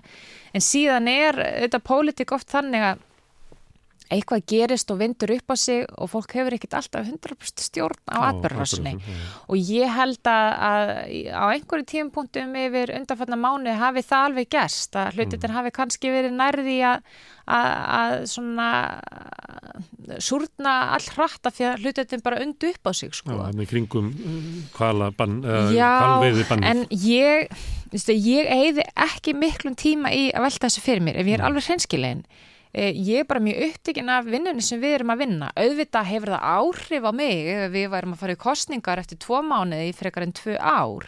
Ég neyta því ekki og auðvitað hefur það áhrif á manna. Maður veit ekki alveg hvernig kjörtjumbili lítur út. En ég eigði bara ekki mikil orku í að velta fyrir mér hvað aðra er að gera. Ég velti kannski meira fyrir mér hvað þau eru ekki að gera Já, og hvers konar erindi við getum Já, haft. Hvað, hver er skadin að því að hafa ríkistjótt sem að ef við gerum ráð fyrir því að hún sé hérna hafi ekki getuna til þess að taka ákvarðanir. Já. Þannig hún búið til svona bara eins lítið og hún telur sér komast upp með í öllum málum. Hva, hver er skaðin af því að hafa slíkar ekki svo? Ég menn skaðin er þetta stjórnleysi sem skapast bara við það í kerfinu hmm. og ég menna partur af því er kannski viljaverk sjálfstæðisflokksins sem að finnst að ríkið og hefur ofinbæra eigi eitthvað neginn að hafa mjög takmarkað umbóð í, í samfélaginu og aðal markmiði verist vera að gera sem minnst úr því en við sem að trúum á virka velferðarstjórn og mikilvæg þess að það sé eitthvað með yfirsýn í hagkerfunu og samfélaginu, einhver sem að bindur ákveðna þræði saman, e, til að mynda núna í aðdraðanda kjaraviðræna. E, í efnasástandi sem þessu að við séum að fá þau orði í andliti, almenningu sé að fá þau orði í andliti að fjármálaráður að telja það sé ekki í sitt hlutverka ríkistjórnarinnar að berjast gegn verðbólkunni eða hafa áhrif á hana menn þetta eru bara mjög vond skilabóð mm. verna þess að ríki og hefur ofnbæra er þarna til þess að vera ákveðin festa í samfélaginu. Já það er allir sem saman það nefn að Já, ég meina þegar að sveiplunar koma, já, já. þá er ríkið sem á að vera festan í samfélaginu á að sjá hvernig hlutinir er að spilast saman vegna að einstaklingurinn og, og fólki og fjölskyldarannar úti, það er eðlilega er að hugsa svona um sitt rými og taka ákvörðinu byggt á því. Og þá þarf það að vera með eitthvað sem er með yfir sín og stillir leiknum þannig upp að fólk hægir sér með þeim hætti að samfélagi gangi í takt. Og ég hef auðvitað áhugir af því núna við erum að fara inn í núverandi kjaravetur eftir þessa verðbólku sem hefur reyði yfir og virðist ennþá vera mjög svona treg í kerfinu eftir þessa miklu vakstahækkanir að af því að það er svo mikið ósamræmi í þeirri pólitík sem stunda innan ríkistjórnarinnar, þau muni festast í að gera ekki neitt eða þá ef þau gera eitthvað til dæmis eins og koma með úrræði inn í kjara baráttuna eða kjara samninsumræðina þá þóruðu ekki að fjármagnana og þá fáum við úrræði sem endaði að vera verðbólku kveitjandi og þá eru við einhvern veginn... Eða svikin eins og dæmin. Já, eða svikin. En ég óttast kannski meira þessa narratífu sem að sjálfstaflokkur er mjög, flok, sko, mjög klókur í að, þau svona einhvern veginn leiði einhverjum úrræðum, svo verður verðbólka fyrir þau ekki fjármagn og þá segir þau sko ríki má aldrei hreyfa sig, verðan þess að leiður ríki mm. hreyfi sig og gera eitthvað fyrir fólkið og, og, og, og býr til hérna e, útgjöld einhverstar í kerfinu þá ríkur verðbólgan upp og það er mjög vond leksja. Mm. Það er mjög vond leksja þegar þú ert með höfður ríkistjórnarinnar hálpartin í fjármálránundinu og stýrir orraðinum efnæsmálinn sem fælst í aðhald félist bara í að horfa á útgjöld, ekki til að mynda tekjur og skatta mm. og þetta leifa vinstri grænir og líka framsókn bara að, le að leka út í almenna orraðu og mér finnst þetta eh, mjög Svo slæmt. reyti uppbútt að hann kynnt um daginn eiginlega hérna, verðbólgu eh, og svona þenslu vöxt útgjaldamein sem eiginlega eh, hérna, bata sinn á, á, á ríkisjóði. Já, þessa, já, já, hann er náttúrulega alltaf að að tala um- tróðan er eiginlega bara að klára gatið, þannig að við þurfum ekki að taka neina ákvæðan. Já, en þetta er náttúrulega bara mjög áhugaverð hagfræði og ég held, ég veldi alveg fyrir mér stundum sko að því að Bjarni er nú alveg klókur og klár, ég veit hann með, með sniðt fólkarna á bakvísi í fjármálraðanöndinu sem getur alveg lesið út úr þessum hagtölum og ég menna ég held að hann viti nú alveg að hann er að blekja fólk þegar hann stilli því upp að, að þegar stjórnarnast hann talar um að sækja tekjur upp á 20 miljardar og sér hann ekki þess að 100 miljardar aukalega sem komu hérna inn. Ég menna þetta er ekki annars að fara til tæknilega atriði.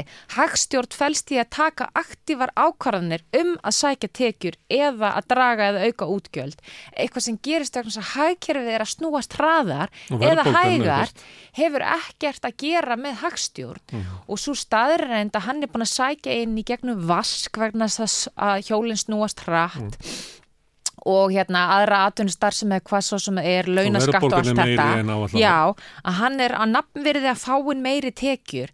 Það er nákvæmlega ástæðan fyrir því að hann þarf að taka pólitískar ákvarðanir vegna þess að þessi tekjufróð sem er að koma inn endur speklar það að það er bólga í kerfinu og þetta er mjög svona, já, myndi vilja kalla þetta klókaleið til að tala um efnaðsmál, en hann hefur komist upp með þetta í svolítinn tíma. Kannski er þetta stefnan, þetta er svona laissez-faire, bara gera sem mist.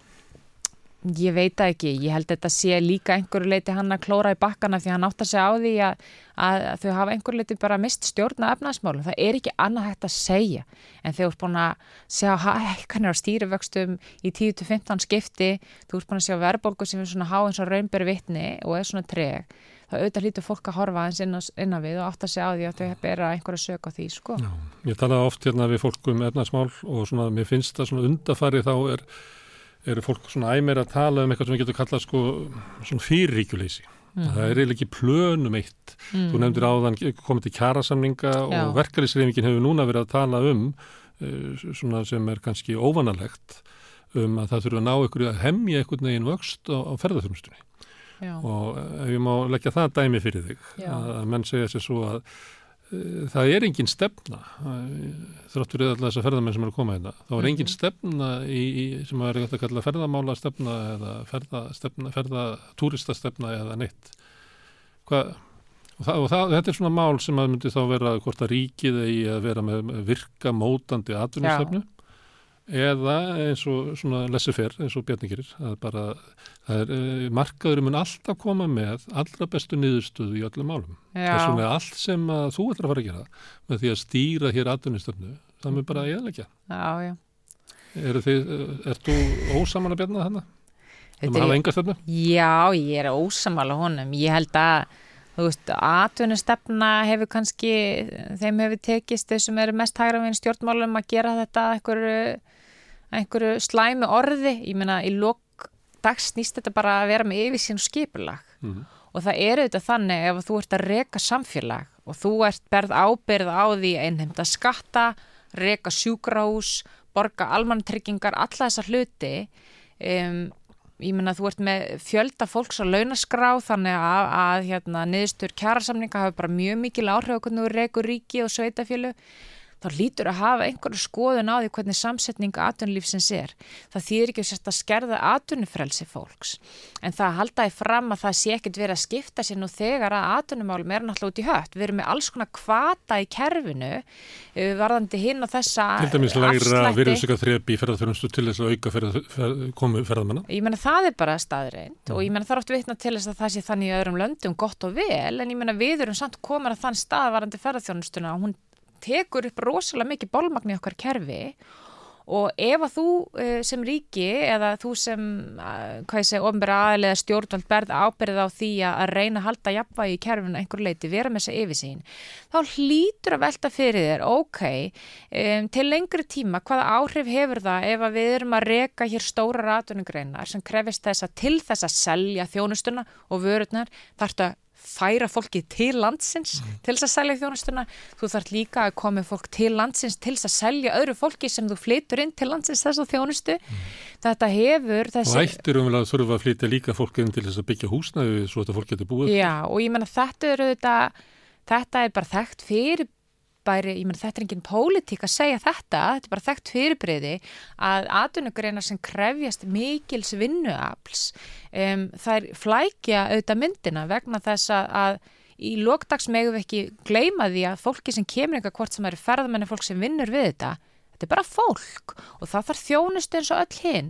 Ég meina ferðarfólk veikist og þarf að nota heilbristjónustuna. Það keirir um á vegunum okkar.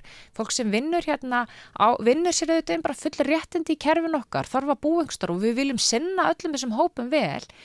En það breytir því ekki að í svona litlu samfélagi þá er þetta erfitt þegar sveifluna verða svona miklar í mannfjölda og, og ég meina ríkir lítur að hafa einhverja skoðun á því að, að þó hún liggi ekki ofan að atvinnugunum, þá hlýtur að hafa einhver skoðun á því hvernig við myndum ramman í kringum verðmættasköpun, hvar kvatar eiga þá að vera í kerfinu og endurhugsa það ef að við erum ekki að ráða við þetta. Svo hafa komið sjónamið að því að þú ert að tala um bara hvernig við erum að mæta sko þenslunni ferðarþjónustunni. Það er líka komið hérna, sjónamið um það að, sko ferðarþjónustunni er ekki góða atvinnugrein. Hún bara hérna, býr til st- stóra hópa fólk sem er lokað inn í lálauna störfum af því að ferðarþjónustan mun ekki að þeirra sög uh, geta borga hærri laun og þannig er bara reynslan út um allan heim.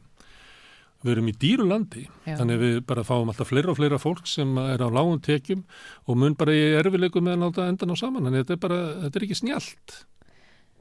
Ég meina að vinnuaflsfrekar greinar eru oft þannig. Mm. Ég meina það er bara tæknin, þar sem að tæknin og, og fjármagni hefur uh, svona uh, leikið sterkar hlutverki á ákveðnum atvinnugreinum, það er atvinnugreinum borgoft hærri laun en og aftur þetta eru bara svona ákveðnar staðrendur á blæði, það eru þetta háleina störf í ferðarþjónustunum einhver staðar. Ég held að vandinn snúist meira að sko, sko bara hvernig við nýtum greinina um, að það sé einhver stefna um sko hvar við viljum á blómstri. Verna þess að eins og hún er rekin í dag þá er hún svolítið einskorðið við suðvesturhornið og suðurlandi til að mynda. Og ég veit það auðvitað alveg hafandi talað við fólk út um allt landa ég menna er að fá um svona sjálfsbrotnu hérna, byggða atvinnugrönnum sem hefur komið upp á undanfennum árum.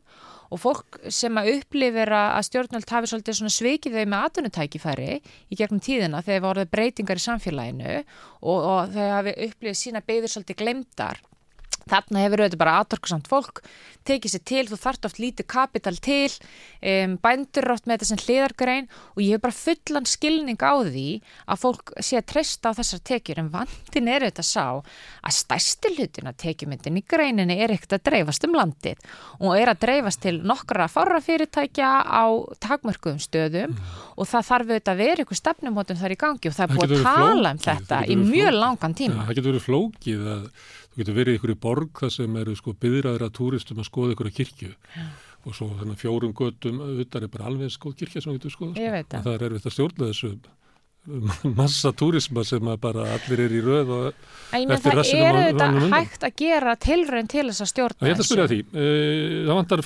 stefnu stjórnandi í þessu. Já. Kondu með stefnu í ferðamálum. Við erum reyndar að fara af staða núna í haust Já. með hérna svona nýjan uh, málaflokkin í okkar kjarna, kjarna núna sem heitir atvinn og samgöngur. Þar ætlum við að fara út meðal hans að tala við fólk um ferðjónustuna. Ég meina, ég hef verið á þeirri Nei, skoðun. Kristján, það- þú getur ekki svarað þessu svona. Nei, þú ætlar að enda fara út aftur út á land og spurja fólki og koma svo og segja mér Nei, hver en það er ég ekki Nei, búin. nei. Ég er bara að segja, ég ætla að gefa fólki tækifæri til Já. að ræða þetta við mig vegna þess að það getur verið sjónamið menn það er líka þannig að þú ert í pólitík og Mm. tekur ykkur ákvarðanir sem fórna ákvarðanum hóp fyrir annað Já. þá þarf þú að taka með þetta ákvarðan um á sérst að fórna, Mm. þú ert að gefa fólki aðdraðanda og, og, og fólk þarf að vita og sérst upplýstur um það þannig að það eiga samtali fólk snýst líka um að sína bara, herðu, ég sé þig, ég veit þú ert þarna Mm. ég ætla ekki bara að vera á skrifstofunum minni með eitthvað líkan og taka ákvörðun út frá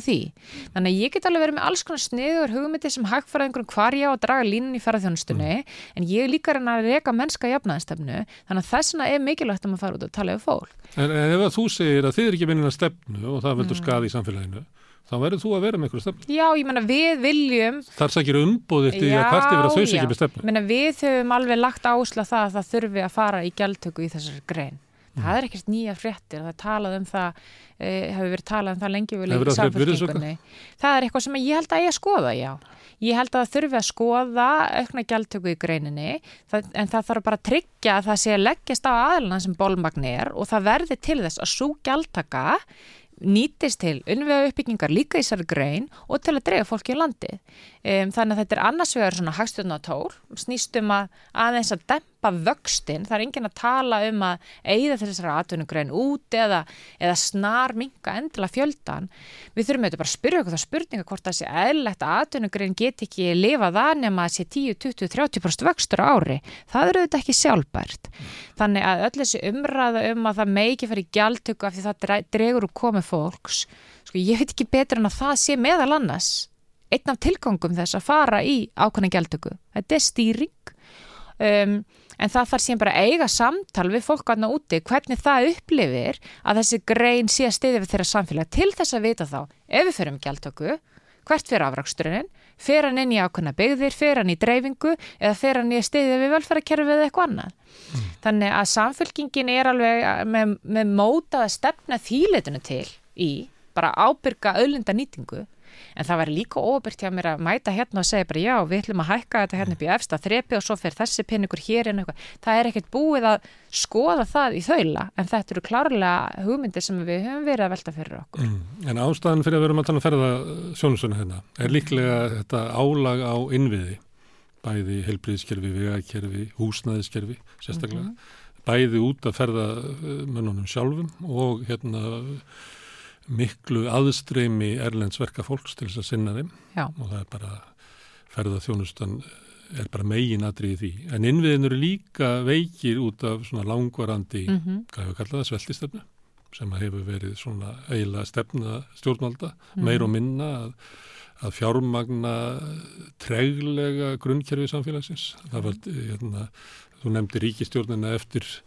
hrun og, og hún og fleiri ríkistónir uh, tókur umvel láni með því að draga úr innviða uppbyggingu uh, að bæta sko stöðu ríkisós með því að hæ, hæja á og fresta komi, hérna, uh, hæja á og fresta sérstaklega fjárfestingu. En núna undarfarið hefur verið rætt um álag og innviðina fyrst og fremst út af sko hælislendut og flottafólki Já, emitt hvað er viti í því að, að, að hælisleitutur og flotta fólk sé álag og innviðin okkar? Eða er þetta er verið að reyna að sveia stjórnmálinn í þessu áttina? Ég held að það sé verið að nota þetta kannski sem afsökun. Um, það er auðvitað alltaf þannig að þegar þú ert komin í viðkama brota þetta stöðu það hafa alls konar hlutir áhrif á jæðurinnum við áttum okkur auðvitað alveg á því og það er ekkert leindamála að það hefur reynd á innvið við, við sveitafélögum að finna húsnaði fyrir fólk sem er hingað að koma, alveg eins og það hefur reynd á bara fólk sem er á almenn leigumarkað að finna húsnaði.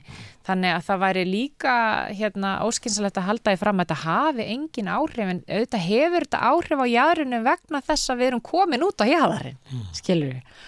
Og það er held ég ekkert í grundvallar atriðum að fara að breyta stöðun í húsnæðismálum á Íslandi þó að það væri aðeins færi hælisleitundurinn. Ég minna vandin sem hefur verið að blása núna upp í fjölmjölum varðandi hælislendur er enga síður sá að kerfið okkar er ekki bara undir það búið að taka við þessum fjölda fólk sem kom.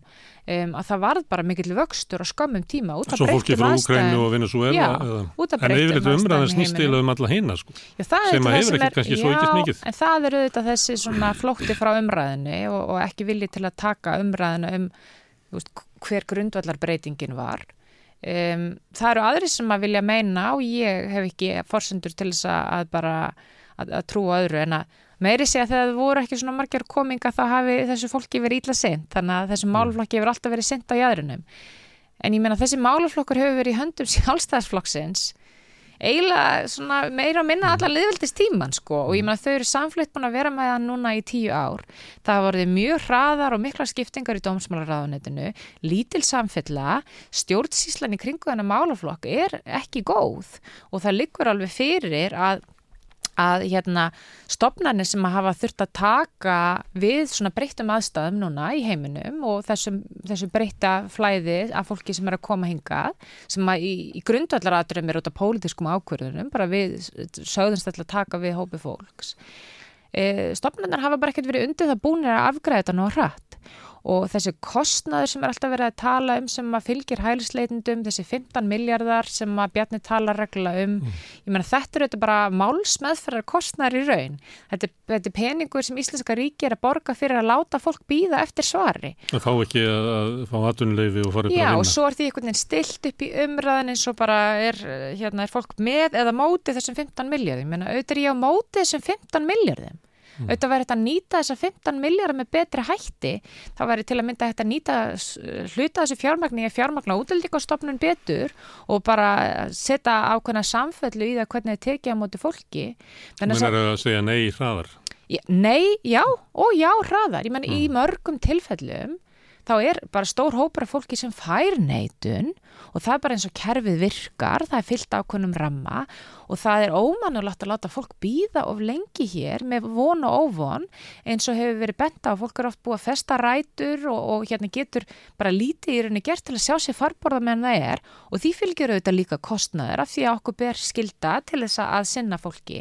En líka fyrir fólk sem á í rauninni greiða leið bara inn í Íslands samfélag eftir þeim ramma sem til staður er verðan þess að það fólk í staðin fyrir að vera þá hér á framfæri Íslenska ríkisins gæti bara með glöðu geði lappa hér inn í samfélagið og að fólki þetta... sem að vinna með því fólki segir að það eigi bara við svo til alla, að undaþyningarnir er svo fátiðar að það eiginlega takið ekki allan um það. Þetta fólk vil bara fara að vinna. Já, auðvitað er það mm. þannig. Þetta fólk vil bara fara að vinna. Þannig að ég held að við ættum að eigða meiri orku í velta fyrir okkur. Hvernig er rammin? Hvernig stendur á því að við erum að láta fólk býða í svona óbúsla langan tíma? Ég hef alveg samuð með því að aðstæðar hafa breyst rætt. Það er að segja, það kom aukin fjöldi hinga til lands. Sem var búið við. Já, já, algjörlega, en þetta, ég meina, stríðið kemur bara með litlum fyrirvara, nú er ég bara að reyna að vera sangin, ég átta mig alveg á því að það teku tíma fyrir stopnarnir að aðlæðast.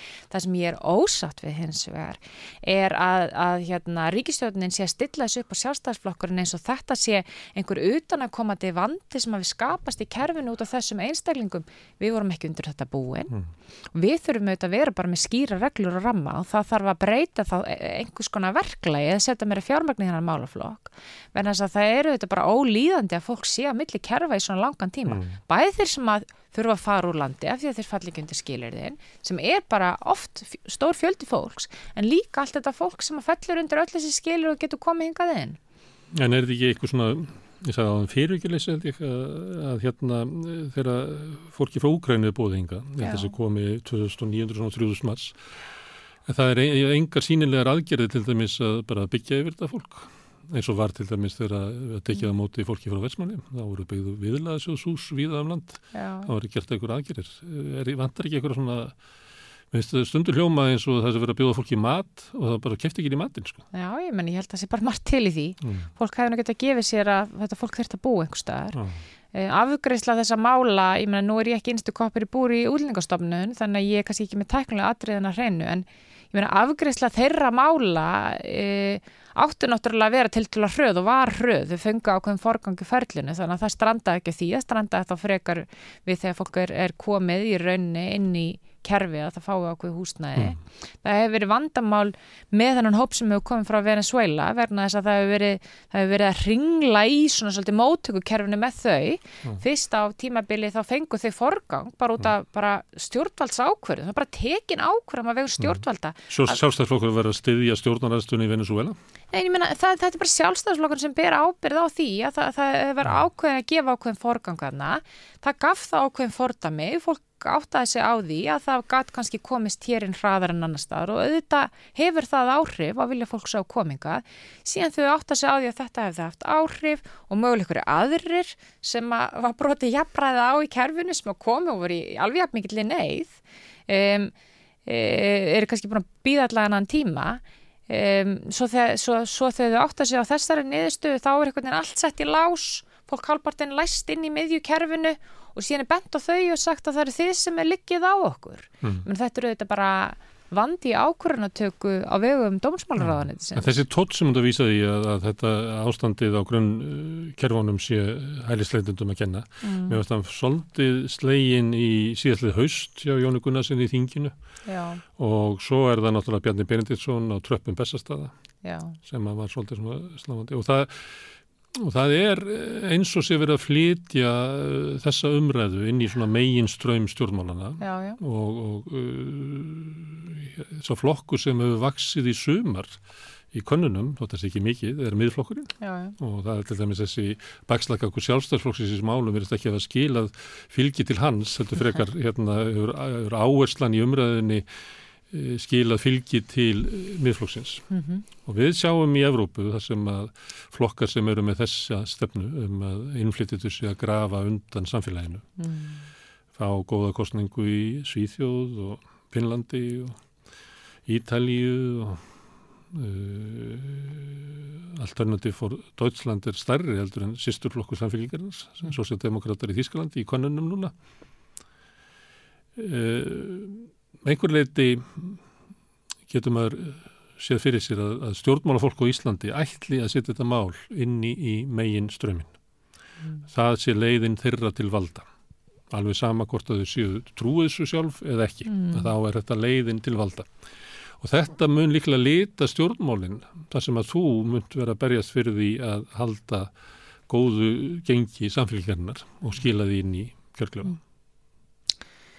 Já, ég meina ef ég mætti ráða þá myndi ég ekki vilja þetta lita um hvað pólitíkin En er það ekki um. þannig að það er bara svo að ég meina auðvitað ber ég og við samfélkingunum líka ábyrða því að geta rætt þetta um, og geta rætt áhyggjur fólks og, og hvað fólk er að velta fyrir sér og ég meina ég hef sagt það við annars þar að mér finnst ekkit óðurlegt að maður sko gefi fólki örugt rými ég bara velta upp spurningum.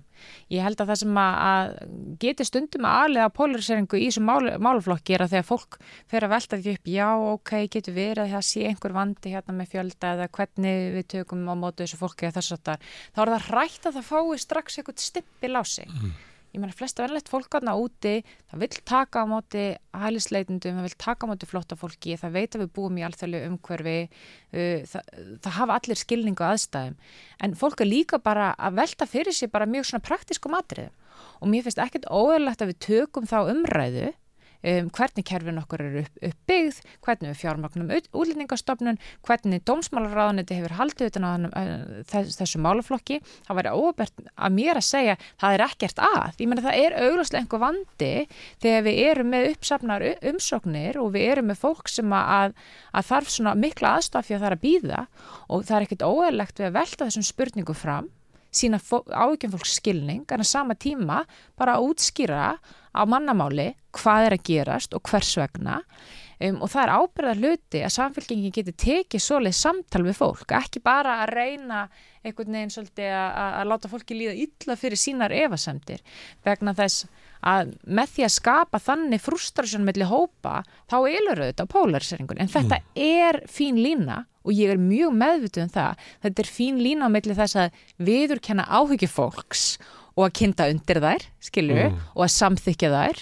Um, en við höfum líka holdt að því sem flokkur að hlusta á það. Ok, ef að það er hópur af fólki í, nei, í, í samfélaginu sem er farið að hafa svona mikla rákir að þessu setjast niður með þeim og fáum að reynd hvað er sem veldur því ágjum og sjáum hvort við getum átt að samtal verðin að þess að ég er líka mjög meðvituð um og þetta hefur ekkert með atkvæð að gera, heldur bara ábyrði stjórnmálum að það var nú þekkt fyrirbyrði í, í bandarísku kostningunum í sín tíma þegar að að Hillary Clinton kallaði kjósendur Trumps deplorables Mm. Þetta bara mun lifa með bandarísku stjórnmálum að eilífu Mm. Eh, að manneskja hafi ekki getað bara komist eh, nálagt fólki sem var með ákveðnar hugmyndir var kannski móttækilegra en aðri fyrir það hafði mögulega sínar ástæður verðan þess að fólk hefur oft sínar ástæður. Og skapaði kannski Trump. Já, að Þannig að samfélkingin ber ábyrða þýlitunum til að reyna að skilja hvað fælst í þessum þangagangi og í mörgum tilökum er engin undirlíkandi þangagangur, heldur fólk bara að vera áhyggjur um, og sína að við viljum ná stjórna ástandinu sem fælst í að vera bara með skýran ramma, passa að stopnarn sé vel fjármagnar og forgangsöðun sé rétt.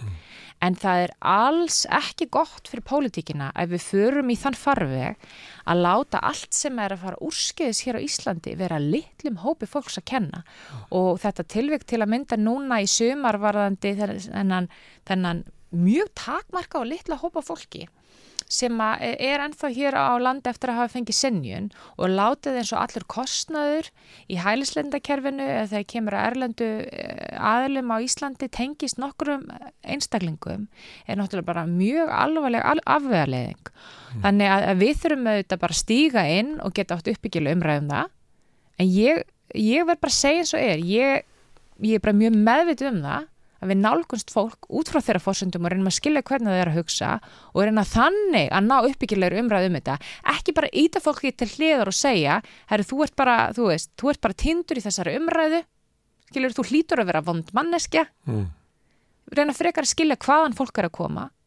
Og eftir mitt samtali fólk í kringum landi það áttaði ég mig á því að stór partur af pyrringi þegar kemur að stjórnmálum á Íslandi í dag er skortur á bara trúveruleika, fólk telur ekki að stjórnmálinn getur komið neini kring.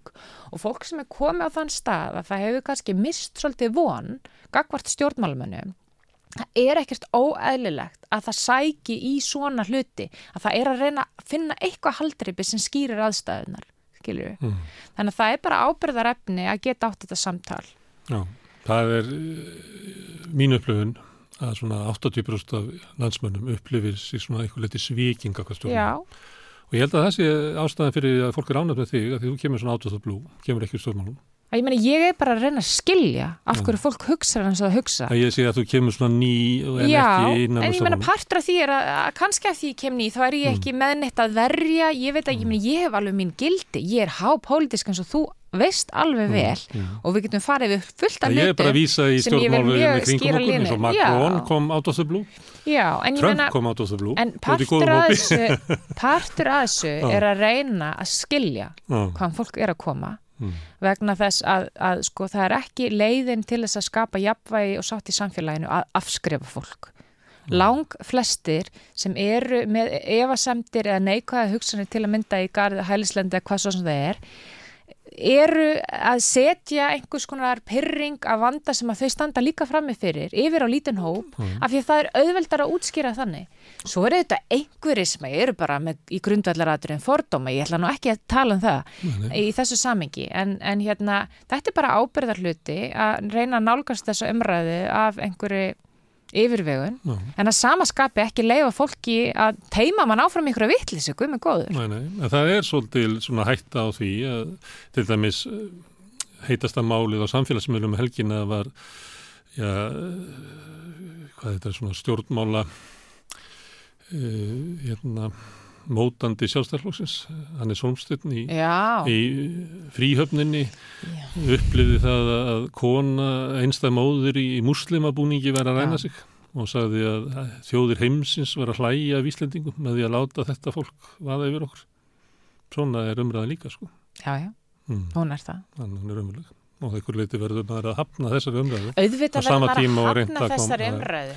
Það, það þarf að leggja mjög skýra línur í pólitíkinni mm. hvað það varðar. Punkturum minn áðan var kannski frekka að sá að meiri hluti við landsmanna hugsaður ekki svona. Nei, og, og það kom fram í konunum að í... Íslandíkar eru yfirleitt með mjög jákvæða afstöðu til bæði hælisleitat og innflytjað almennt. Já, við hefum bara nálgast að þannig og ef fólk vil taka umræðan og hefur ágjör að stökum atrið þá bara ræðum við það, mm. skilur og fólk getur bara fengið að hafa sínar áökjur og við getum reynda að, að, hérna, draga úr þeim með að segja fólki við höfum plan til að bæta kerfin okkar mm.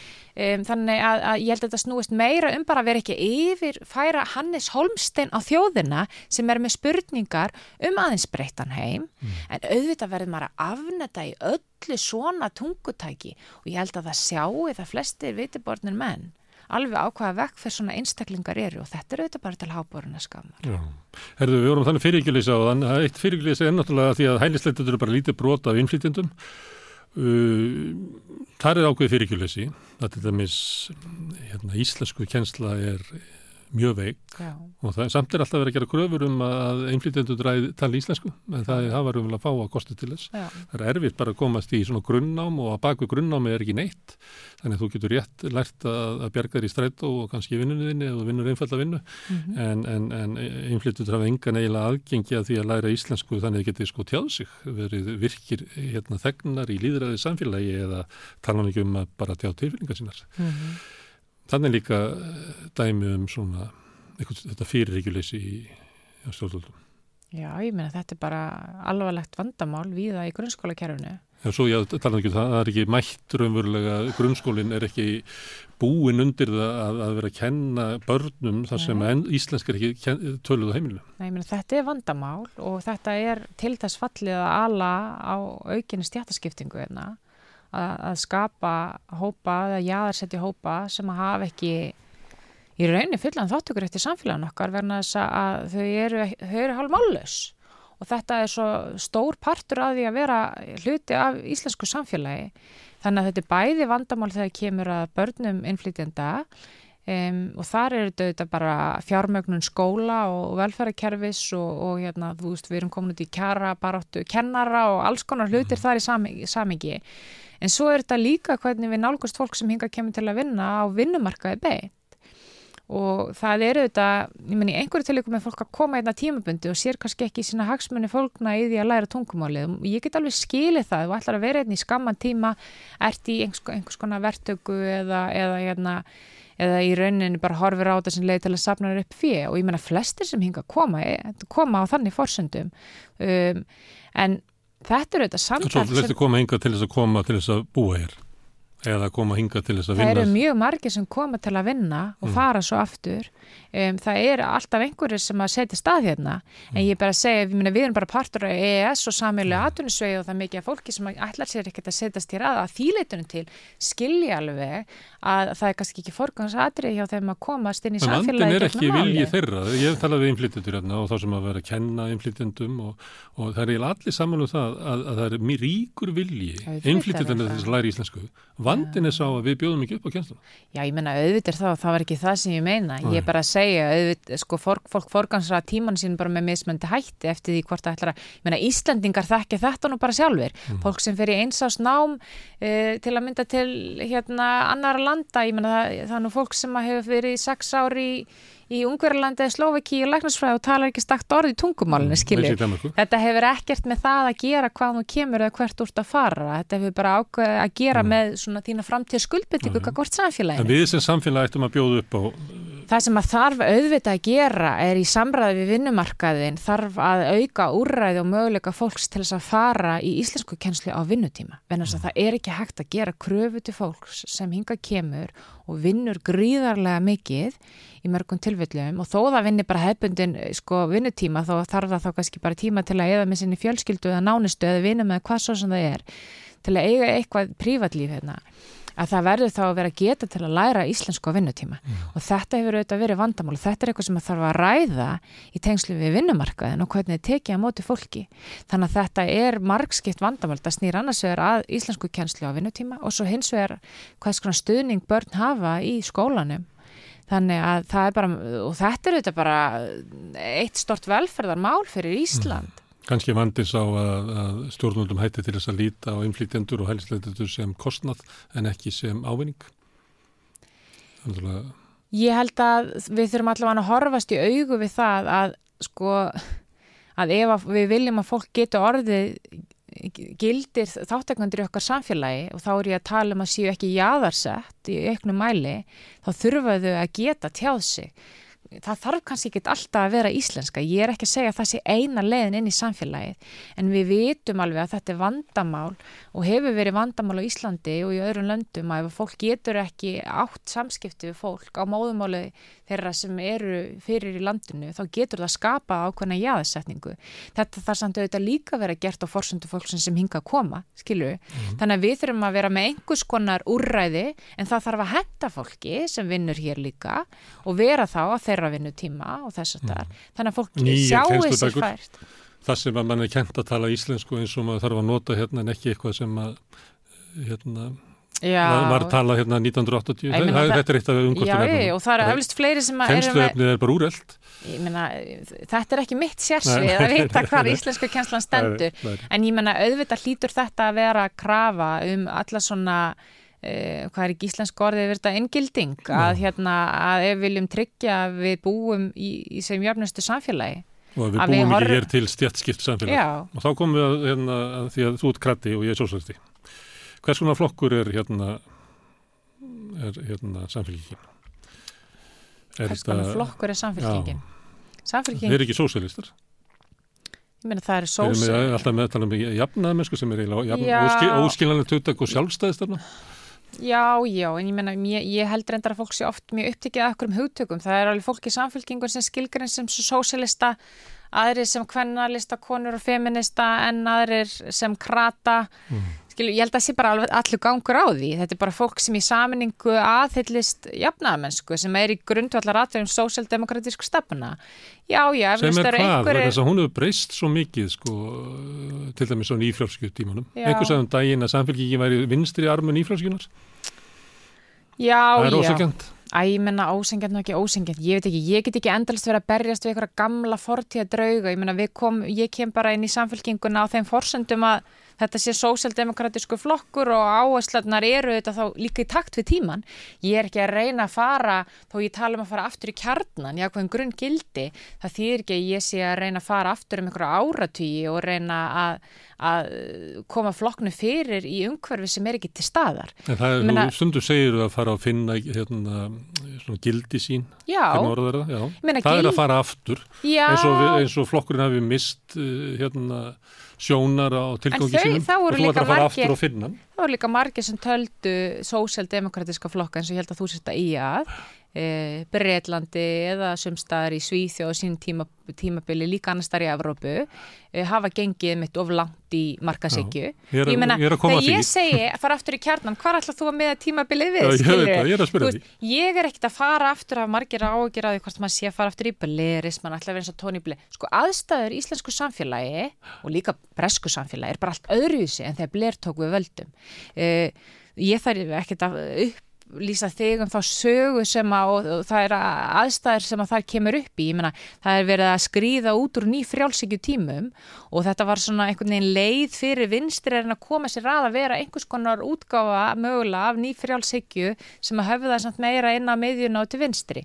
Nú höfum við verið í... You can't beat them, join them, Já, en ég meina að meðan við höfum núna á Íslandi til dæmis í áratöga mínu mati verið í svona bara hvað ég segja, einhverju tómarúmi, pólitísku tómarúmi.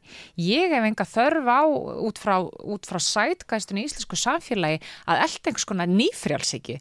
Það hefur ekki verið eitthvað sem hefur skilað árangri undanfærin tíu ár. Ég held einmitt að vandamálinn í íslensku samfélagi hafi verið að í tíu ár eftir Uh, eða eftir að sko vinstirstjórnin tók við og tók við bara samfélag í hrunni og þurfti að vera í uppbyggingarham eða, kannski ekki uppbyggingar hafi frekar í bara svona björgunar aðgerðum að eftir að nýfrjálsikjan hrundi þá tók ekkert annað við þannig að samfélkingin er er ennþá, þetta er svona zombi hugmyndastefna sem ennþá Ég meina, hún er bara allavega mjög óljós hver svo stefna er. Það er ekki hérna sósjaldemokratísk stefna og velferðarstefna sem er við völd.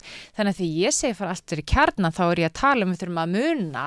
Við erum jafnafólk fyrst og fremst sem að þýðir að við Við höfum skoðun á hvernig velferðarkerfið er rekið, hvernig við skattleggjum uh, til þessa fjármagna velferðarkerfi, þessi grundvallar atriði um, og, og við erum að reyna að ná samstöðum þau atriði. Síðan getum við verið ósamalum nákvæmlega hvað línu við erum uh, hversu mörg megavött má virkja í þa á þessari heiði skiluru, það má vera með mismunandi skoðanir á þú veist, svona stökum atriðum, ég meni ég er með fólk sem er með á móti kvalveðum í mínu flokki þó að stefna sé að vera á móti kvalveðum skilur, það eru alls konar atriði þar sem að er einhvers konar ára inn í samfélkingunni en í grundvættar aðtöðan sem við samanumst um er vel reiki velferðarkerfi og sangjött skattstefna. Og ég held að sætkasti ekki bara á Íslandi heldur líka í heiminum sé það að fólk er að átta sig á því að þessir félagslegu þættir þeir skipta svo gríðarlega miklu máli. Þannig ég held að allar svona áhyggjur eða kannski er það í einhver tilökum vilji andstæðinga eða kannski er það réttmættar áhyggjur til þess að vera að spekla það upp að þetta verkefni sem við stöndum fram með fyrir núna sé einhvern veginn að færa samfélkingun eftir í ný frjálsíki blerisma. Ég meina það er bara engin krafa um slíkt í íslensku samfélagi skilur Ég er eiginlega að spyrja hvort þú ætla að fara aftur fyrir Blair og hversu langt aftur, hvort þú ætla að fara til Óluf Palmi eða Ég, það var nú nær. Ég held að sé margt sem hafa gert af sósjaldemokratiskum öflum og velferðarsinnum flokkum eftir setna stríð sem er í takt við það sem við þurfum að gera núna. Já, já. Vegna þess að er þar var, tala um New Deal og svona. ég það menn, er- fólk það er var þar mjög það meðvitað um samkend, samhjálp og samstöðu og, og ég hef viljað ymmit keira flokkin á það því sem saminar okkur, ekki því sem polariserar okkur, við getum leift okkur að vera ósamálum einstakar hluti.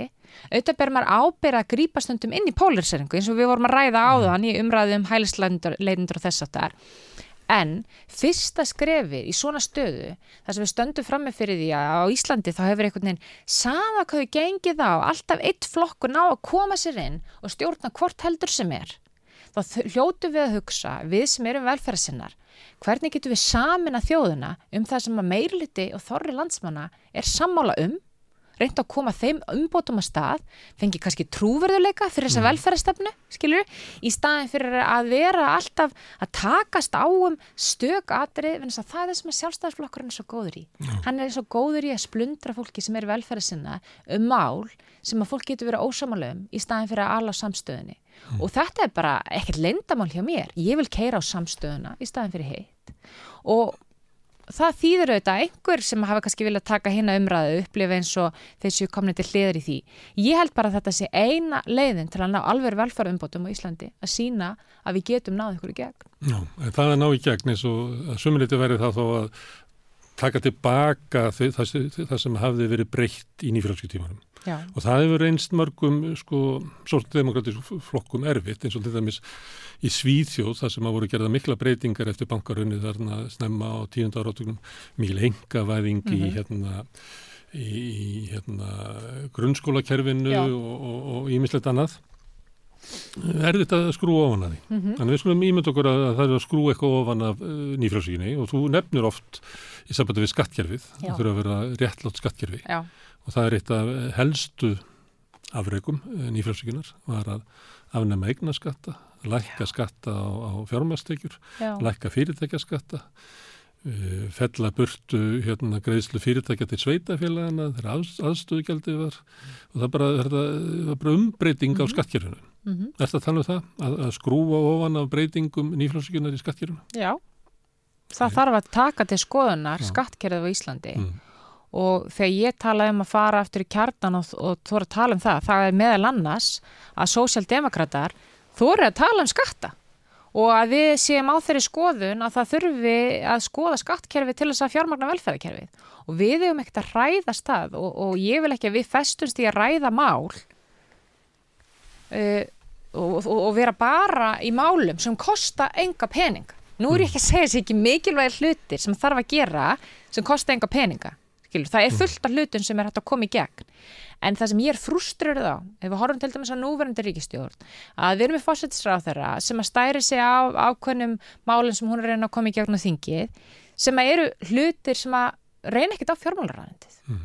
og, og það er alveg góður og gildir hlutir Nýmur, þetta eru allt, er allt mikilvæg má, Já. ekki miskilja mig. Nei, nei, ég, ég, ég meina mannreittendamálin eru gríðarlega mikilvæg. Já, bara taka dæmi svo að hlustendur myndu kveikja á því hvað sem að mála þetta verið. Já, þetta eru gríðarlega mikilvæg hlutir, mm. en flokkar eins og samfélkingin eiga ekki að láta önnur mál vera og eftirláta uh, hægrumönnum að taka umræðana um efnaðismálinn og skattkerfið. Mm. Þannig að stór pólitísku breytingarnar í okkar samfélagi snúaði hvernig við fjármögnum kerfin okkar um, og að við leiðum ekki þeirri hugsun að gerjast að sko uh, þín lífskilir þið grundvallist bara á skattprósentunniðinni það er búið ala einhvern veginn á þeirri sín að það eina sem skiptir því máli var hann til hvernig þú hefur það í daglegu lífi sé skattprostanin og þetta er sagt um fólk á öllum stigum tekjunar, hvort sem að sé láttekju, millitekju, efri millitekju eða, eða efsta stigi.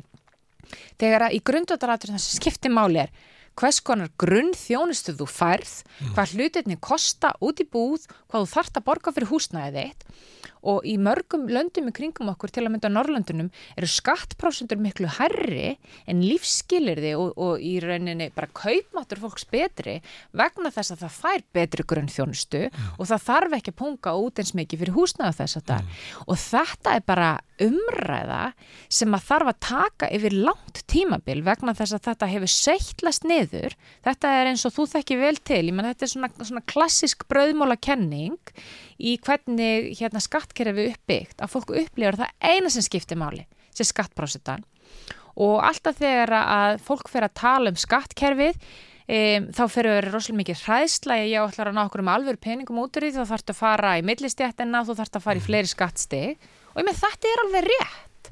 Þú þarfst að skattleggja víðar. Það er ekki þannig að þú getur fjármagna velferðarkerfið á efsta prósendinu eða sjávaröðlundinni, við vitum það öll en það eru sósjaldemokrater e, þeirra póliti gengur ekki út frá því að reka samfélagi á efsta ríkaprósitinu, það er samtrygging. Við borgum öll inn í kerfið og við fáum út úr því eftir þörf. Mm. og þú getur verið með millitekju einstakling sem að komst inn á húsnæðismarkaðin snemma verna þess að fóreldra þeirra gáttu aðeins aðstöðu inn á markaðin eru kannski með sama í laun og einhver annar en sá hinn sami er á legumarkaði og þessir tveir einstaklingar það er ekkert eðlilegt að skattbyrði þeirra sé endilega jöfn og þá er ég að tala um með bótum og allt inni. Mm. Það þarf að taka með að aðstæðan fólks, bakgrunni og líka tímabili í lífinu og ég bara hræðist enga við þessu umræðu. Þú ert að tala um samfélagsáttmála eftir stísáruna sem samfélagsáttmáli nýfrásíkunar strókaði yfir. Já. Ég meina, ég bara, mér finnst bara, mér finnst bara mikilvægt að við getum tekið umræðu um skattkerfið, mm. hvað það er sem við skuldum hvort að annars sem samfélag. Það hljóma svolítið eins og fáið viljið tala við um skattkerfið. mér finnst það svo gaman að tala um skattkerfið já, já, og hérna, ég veit alveg... Og ég skil ekki að hverju fólki finnst það ekki gaman. Mm, ég held að fólk held að maður óttist að uh, maður verður innramið sem einhver svona eins og, eins og var það ekki fyrir ég man ekki hvora kostningarna var sem að Katrin Jakastóttur mála upp sem skatta kata. ég menna, ég held ég að mér sé áður sagt þetta hérna einhver staðar, ég menna fólk málu kalla mig eh, skatta Kristrún eða hvað svo sem það er. Ég er bara með raunhefar kröfur og væntingar til þess mm. að ef við ætlum að setja auka 1% í heilbreyðskjæri til dæmis, hvað ætlar að finna þá peninga? Skilur, þú verður að gera það með einhvers konar skattlagningu. Þá þarf þetta að sannfæra líklega millistéttina, því að ég býst ekki að þú ætlar að fara að hækka skatta á legstulunum, ekki halda áfram að skattlækja fátækt. Það er ekki hægt römmulega siðfyrirslega erfitt að taka skatta fólki sem á ekki fyrir mat. Nei, menn í lókdag snýst þetta bara um ymberi skattbyrði mm. að þó einhver fyrir... Þú þarf að sannfæra millistéttina sem að kannski er að stóruleiti þínir kjósatur að því að samfélgin hefur, ef maður hóður um söguna, þá er svona uh, frekka millist þetta kjósatur, þá er þetta samfara þau um já, þessa hugmyndum að, að, að þú borgar skatta þá bætist lífskjörðin og barnana þeina að það styrkir held... tilflutninga á peningum á milli kynnslóða, að við stiðjum barnafjölskyldunar, að þú borgar þá herri skatta þegar þú ert á, á miðjum aldri og með hægstu launin og, og svo færðu betri þjónustu þú verður gammal. Ég held að eiginlega allir á Íslandi geti fundið aðstæður fleiri en einar í sínu lífi þar sem það átti að segja á því að sko það hefði verið tilbúið að borga markvallt harri skatta ef það ekki lendiði ég meina bara mjög algengt dæmi sem að fólk á, á, á, sem er komið svona í kringum færtugt eða mínum aldrei mm. yfir, lendir ég til dæmis þegar fólkdrar er að þurfa að sækja heilbyrðistjónstu mm. eða fara hann á hjókunarheimili mm. og ég get alveg sagt það bara fyrir mína parta allan daginn hefði ég greitt herri skatta til að vera ekki vitna af aðstæðan sem ég orðið vitna því ég held að allir geti fundið og með því er ég alls ekki að sko gaggrina heilbyrðistarfólk ég bara segja aðstæður í kerfinu eru við að þannig að við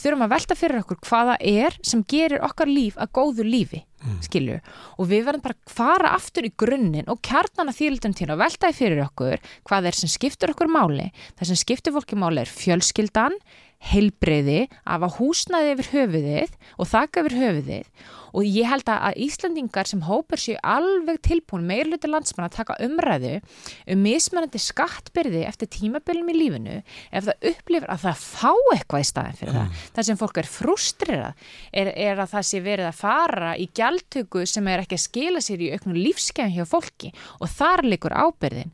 En ástæðin fyrir ég er að nefna þetta með almennaskattlagningu er að ég get ekki lofa upp í ermin á mér stórtakum umbótum í velferðarkerfun okkar nema allir séu með í þeirri mm. vekkferð mm. og það þarf að treysta því að maður geti hannað kerfi með þeim hætti að þó að skattbrástaðin fari upp þá fari eitthvað annað upp líka eins og barnabætur, mögulega húsnæðisbætur netto skattberðin verður kannski minni fyrir vikið Allavega yfir æfina Allavega yfir æfina En síðan er það réttlætismál að fara í hluti eins og fjármastekjur að skoða eignaskatta, að skoða það hvernig við getum náð meiri út úr sjávarauðlind, auðlind, ég menna lokað EHF-gatunu, komið í vekk fyrir. Það var stefnusgrá okkar sósílista fyrir síðustu kostningar. Já, ég menna ég held að við sem bara sammála um það smári. Þannig að það eru hlutir sem eru Herðu, eru þú geti notað, hérna, notað yfir þetta slagorð norræn velferðarstjórn ef að samfélgingin hefði ekki eiginlega eðilegt það í síðustu.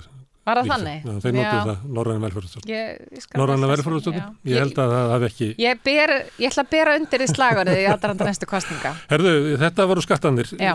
Engarekstur í heilbríðskerfinu? Engarekstur í heilbríðskerfinu, er þetta já eða nei Nei, spurning? bara hvar eru mörkin? Já, Við vorum að reyna að finna kalibirinn. Já, ég, sko, engarekstur þarf að vera fórsöndum eins ofinbera. Mm. Mér finnst oft umræðan um engarekstur vera þannig að þetta sé eitthvað bara sem allir borgi úr eigin vasa. Þetta snúist um að einhver sem eigi aðeins auka pening geti ákveð að fara og borga fyrir eitthvað. Þetta er engarekstur, er uh, tallæknirinn, hann hefur verið þarna. Ég, ég hef engan heyrt gera gröfur um að tallækna verði og byrju starfsmenn. Þó að ég myndi nú mæla með því að væri eins og þegar ég var ungur, sem að var löngu áður en þú varst ung og fættist, að þá voru skólatanninar. Já, ég, ég er nú ekki það ung. Nú, Þá var skólatannleikar í fossaskóla þegar ég var þar. Þannig Eh, að nýbúið eða ekki það. Já, líklega. Um, sko, En það er tallæknar, en síðan ertu komið með klíningina og Já. að, hérna, að, að, að enga að fara að reka mm. það sem áður var talið vera almanna þjónusta, eins og bara grunnskóla eins og er í Svíþjóð, Mm. uh, sjúkrahús, hvað eru mörkin? Sko þetta er nú eitthvað sem kom svolítið upp í umræðan okkur um heilbreyðismál Mm. en það er endar áhvert að segja frá því það voru ekki margir sem að skiptuði upp í enga ofnberrekstur og í rauninni fleiri en eitt sem að sjáðu í guðunabænum látið ekki heilbreyðis umræðan að snúast bara um enga ofnberrekstur heldur bara hvernig kerfin funksjónar saman en eins og ofta að stjórnmálmenn veit ekki hvað er sem heilbreyðiskerfið þá fara þeir bara að tala um ég vil enga rekstur eða ég vil ekki enga rekstur Þetta snúist um rekstarformið. Já, sko, enga rekstur eins og hann er stundar í dag er fjármagnar að skattfíði gegnum sjúkartryggingar Íslands. Mm. við. Þetta er okkar skattfíði og við hljótum að geta gert á kröfu til enga rekstrar að hann uppfylli þá, þá er kröfur sem að fólk sem að borga skratta vill að það gerir sem er jæmt aðgengi. Mér finnst til dæmis algjörlega út í hött að við sjáum fram á það að það eru einstaklingar og stöndum bara fram fyrir því. Ég, meina, ég og þú höfum borgað jafn mikið fyrir hérna engarekstur sem fer í gegnum sjúkratrygging og við borgum bara okkar skatta. Hins vegar getur svo stað að koma upp að þú fær tíma hjá geðlagni á undan mér, þú kemst inn á lista sem lokast og ég kemst aldrei að. Kannski fyrir bara restan af lífinu minni að mista kosti næstu 10-15 ár. Og þannig er þú að fá niðurgrötu þjónustu í gegnum sjúkratryggingar og ríkið sem ég borgaði fyrir alveg eins og þú skilur við, og þú ert ekkert að njóta góðsaf því að þú gast borgaðu ykkurlega fyrir þessu komigjöld, heldur þú varst fyrstu til. Þannig að jæmt aðgengi hlýtur að vera líkilatrið í þessu og rammin sem er í kringum þetta. Og það er vitað mál til dæmis að sjúkartryggingar eru illa fjármagnar þetta er batteri sem veltir tugum 100 miljónum króna af, af skattfíi en það er ekki að veita því almennlegt fíi til að reka sjálft sig til að vera með almennlegt eftirlitsteimi til þess að halda utan um samningagerð til að mynda við sérfræðinga almennlega þannig að það lítur að vera grundvallaratriði að einhver rekstur sé gerður á fórsendum hins, hins ofinberi í þessu samhengi. Þeir sama á bara samspil um, til dæmis sjúkrahúsuna við engarekstur vegna þess að, að hérna, það vita það allir að allt sem er fyrir úrskeiðs í kerfinu það endar lókum inn á sjúkrahúsunum, inn á landsbítalunum og við meðum ekki skapa þá stöðu að við séum búin að bjóða út svo mikið að aðgerða með þjónustu að akut starfseminn á landsbítalunum líði fyrir það af því að það er starfsfólk þar sem sinnur grunnþjónustu á landsbytalanum en sinnur líka akut þjónustunum. Þetta er oft sami einstaklingurinn sem hleypur þarna á milli. Á meðan að engareksturinn þarf ekki að sinna akutinu. Þannig að það þarf bara að vera haus á kerfinu sem að mögulega leita ráðgjafar eða leifi landsbytalum að hafa skoðan á því. Hvað fer í útbóð? Hvað fer í engareksturinn? En mér finnst þetta ekki svo ólíkt fyrir út að lýsa þessu, fyrir utan hann að kannski þetta með svona aðhaldið og svona, heldur en að bara sjálfstæðflokkurinn að viðrið segir, sko. Að þetta snýst um bara aðgengi fólks af sjónustunni, Já. við gerum þetta ekki ennum skattfjö, rekstarformi skiptur engum máli, þannig að þú ert alveg til í að hérna enga veiða mjadmaðgerðir Nei, ég menna það eru bara ákveðnir hlutir sem henda betur engarekstur frekar en annað. og og Það er bara þekkt fyrirbæri. að þið verðum að leita hvað eru mörkin líka. Já, og- ég menna það hefur til dæmis gengi ágætlega með einhverjegnar heilsugjæslustöðar og það er einhver einfald ástæði fyrir því. Um, þó hún sé ekki einföld í þeim skilningi að það er erfitt að reyka heilsugjæslu allt það en hún er vel skilgrind þannig að þú ert með eitthvað innkaupalista og þú getur sagt ég kaupi þessi prófaðir, þessa tíma og ég get haft eftirlit með því að þú nýtir þjónustuna rétt. Og við erum með einhverjegnar stöðar sem að ganga vel við erum líka með enga reknastöður sem ganga illa, við erum með ofinbæra reknastöður sem ganga vel og ofinbæra stöður sem ganga illa. Mm. Þetta fer eftir líka fólkinu sem er að vinna þar og þar viðist staðan ekki vera. Ég, fæ þetta nú bara í samtölum mínu við almenning og sérfræðinga sem að vinna bæðu ofinbæra og einhver rekstur og allt það. Þar er rekstraformi ekki aðal máli en það eru ákveðnir þættir í grunn þjónustunni sem eru mjög illa til þess faldi, fa, faldir að vera í engarekstri og þar með talið öll þjónustar sem skarast verulega við til að mynda þriðastis þjónustuna, þar að segja sjúkráðstjónustuna Mm. sem að grefur undan getur bráðmáttökunar, grefur mögulega undan göngudeldunum þar, skilju. Þannig ef þú ert að falast eftir einföldu svari, það sem ég segi engin engarekstur, þá færðu það ekki, verðan sem ég er var að að tala ég er að finna hvað mörkin er. Já, mörkin eru þau að það þarf að vera stefna, pólitísk stefna hjá stjórnvöldum um hver verkefnin eru og hvernig þau eru skildgreind og það þarf að vera eftirlit með þessari starfsemi. Það sem hefur farið úrskeiðis í engarekstur á Íslandi hefur að gera með lélegt eftirlit vegna þess að sjúkratryggingar hafi verið vannfjármagnaðar það hefur ekki verið geta til þess að vera með samninga sem að tryggja almennlegt jafnt aðgengi skilur það hefur ekki verið e, samræmi á milli það sem hefur verið sami við engarekstra og það sem að spítalarnir þurfa. Þannig að þetta er bara flóknar en svo að segja af eða á það þarf finnst að vera að setja meiri pening í grunnþjónustu eins og heilsugæslu.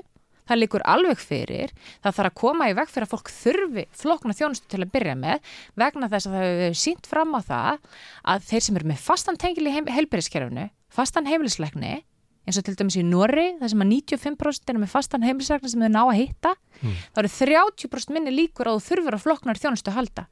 Þannig að við erum ekki að fara að leysa vanda sko heilbyrðiskerfisins með því bara að rífast um rekstrarform, heldur að fjármagna heilsugjæsluna almennilega tryggja fastan tengili þar og að tryggja að það sé samkomala og yfir sín á milli spítalana og enga rekstu sinn og það sé einhver sem hefur eftirlit með þessu rekstri Mm. og það þarf líka að vera með innra eftirlit á landspítala Íslands. En uh, hagnaðurinn sem er dregin upp úr þessu og arðurinn sem er greitur út úr þessu, það er hérna, ég held að hann hefur verið í 11. sæti en Rekvuð Jónsson á listanum hefur tekið östu íslendingina. Þeir sem hafa voru fyrir ofan hafðu selt sjárutisfyrirtæki eða höfðu sko tekjurnar meira minna erlendis frá. Þannig hann var eiginlega tekið hæstu svona venjulegi íslenski kapitalistin. Já, já, Ha, hans auður byggir á, á hérna og og upp úr sínu fyrirtæki einhvern tíman skoða þetta, það er láfið að vera bara milljardur á ári sem hann tekur út úr fyrir, fyrir, sínu fyrirtæki sem að er hérna, sem áður var sko halv opibert, það var náttúrulega al, aldrei alveg fullkomlega opibert, það var Livjaverslu ríkisins, það er endur ekki það er hinnarmurinn sem mm -hmm. fór í annað fyrirtæki. Uh, hans, það má reykja hann aftur í, í fyrirtæki sem var enga fyrirtæki já. sprott upp úr Reykjavíkur ábúti en þetta er svona dæmi það sem að sko eins og maður getur lístað, auðvaldið á Vesturlandum Mm, sem að er búið að átsósa allri hérna viðinframlislu til hérna landa það sem eru lægri launborguð eins og Kína og, og Indlands og guðma þetta hvert í Indlandi aðlið þjónustunni og þá fer auðvaldið að leita sér að ykkur og það segir, við, það er ekkert að vaksa hérna inni, þannig að við förum bara förum og tökum hérna smá helbriðskerfinu svo tökum við metakerfið Mm. og þar hérna getum við náð svona góðum rentukapitalisma, náð kannski svona 15% kötti af öllu peningum sem að fara í gegnum ríkisjóð. Mm. Þetta er náttúrulega, þetta er eina af þessu samfélagsbreytingu sem við erum að gangi í gegnum. Að þeir eru bara mættir Já, já, og ætla lengra. En það ætla ég ekkert að kvitt upp að þetta sé eðli staða, skilur, það eru þetta, sko bara svo við bökkum aftur, ég meina allt sem að e, snýr að ofenbyrjum innkaupum eða nýtingu ofenbyrjum skattfjöð, það hlýtur að þurfa að bara fylgja ákveðinu eftirlismekanisma og ég held að það geta allir kvitta undir það, það er til dæmis óæðilegt að fólk sem að stundur engarekstur um, þurfi ekki að gera grein fyrir því hvernig það fer með það fjárma, skilur. Sem að færa úr ríkisjóð. Já, meina, það liggur auðvitað alveg eðlilega fyrir og það er ekkit óeðlegt við að sé gerðar kröfur um einhverja eðlilega arsimi. Ef að fólk segir, ok, ég sett inn svona mikið í fastafjármunum, skilur, þetta var mín grunn fjárfyrsting í þessu, ég þarf að fá eitthvað í arsimi tilbaka fyrir utan bara svona venjulegan rekstur. Það er hægt að gera kröfur með þessum hætti.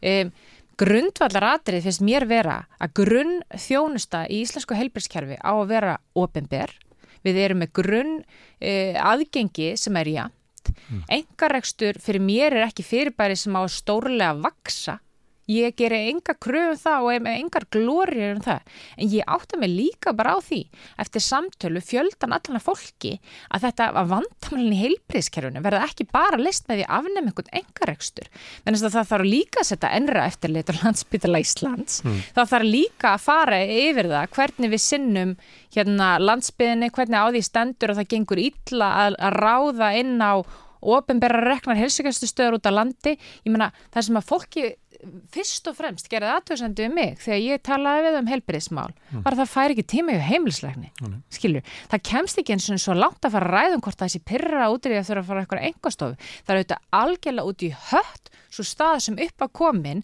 út af samningsleysi við lækna að fólk þurft að borga úr eigin vasa fyrir það og ég og ennþá eftir að sjá þennan samning í smáadröðum og við í samfélkingunum munum kalla eftir því hvort að það hafi til að mynda verið samið um einhvers konar skilirði á bakvið þá hérna, auka fjármanni sem fóru inn í þannan samning. Raukað? Vegna þess að það þarf að gera aðtjóðsendir við það er jamt aðgengi mál þarna eru einhverjar einingar sem að snúa að því að þú farir út á land og veitir þessi þjónustu annar staðar að þú fáir greitt með mismunandi hætti fyrir að taka þig nýja sjúklinga. Það þarf að vera rammi og einnköpalisti hjá einn ofinbera til að gera það. Þannig að þar er minn fókus en mm. við erum ekki að fara í neina vekkferðar en að leysa vandamál heilbriðiskerfisins með engarekstri alls ekki, fyrir þess að við sjáum að það er ekki vandin Nei Og kannski að þú nefndir hérna með íllareknastofnanir og velreknastofnanir og íllarekin engafyrirtæki og velrekin engafyrirtæki. Þá kannski vanta líka eitt hérna er að, að, að við verðum betri í það reka stofnanir ríkisins. Það er eins og það hefur engin verið svona, það vanta svolítið svona endur endur fæða stopnarnir ríkisins inn í okkar tíma.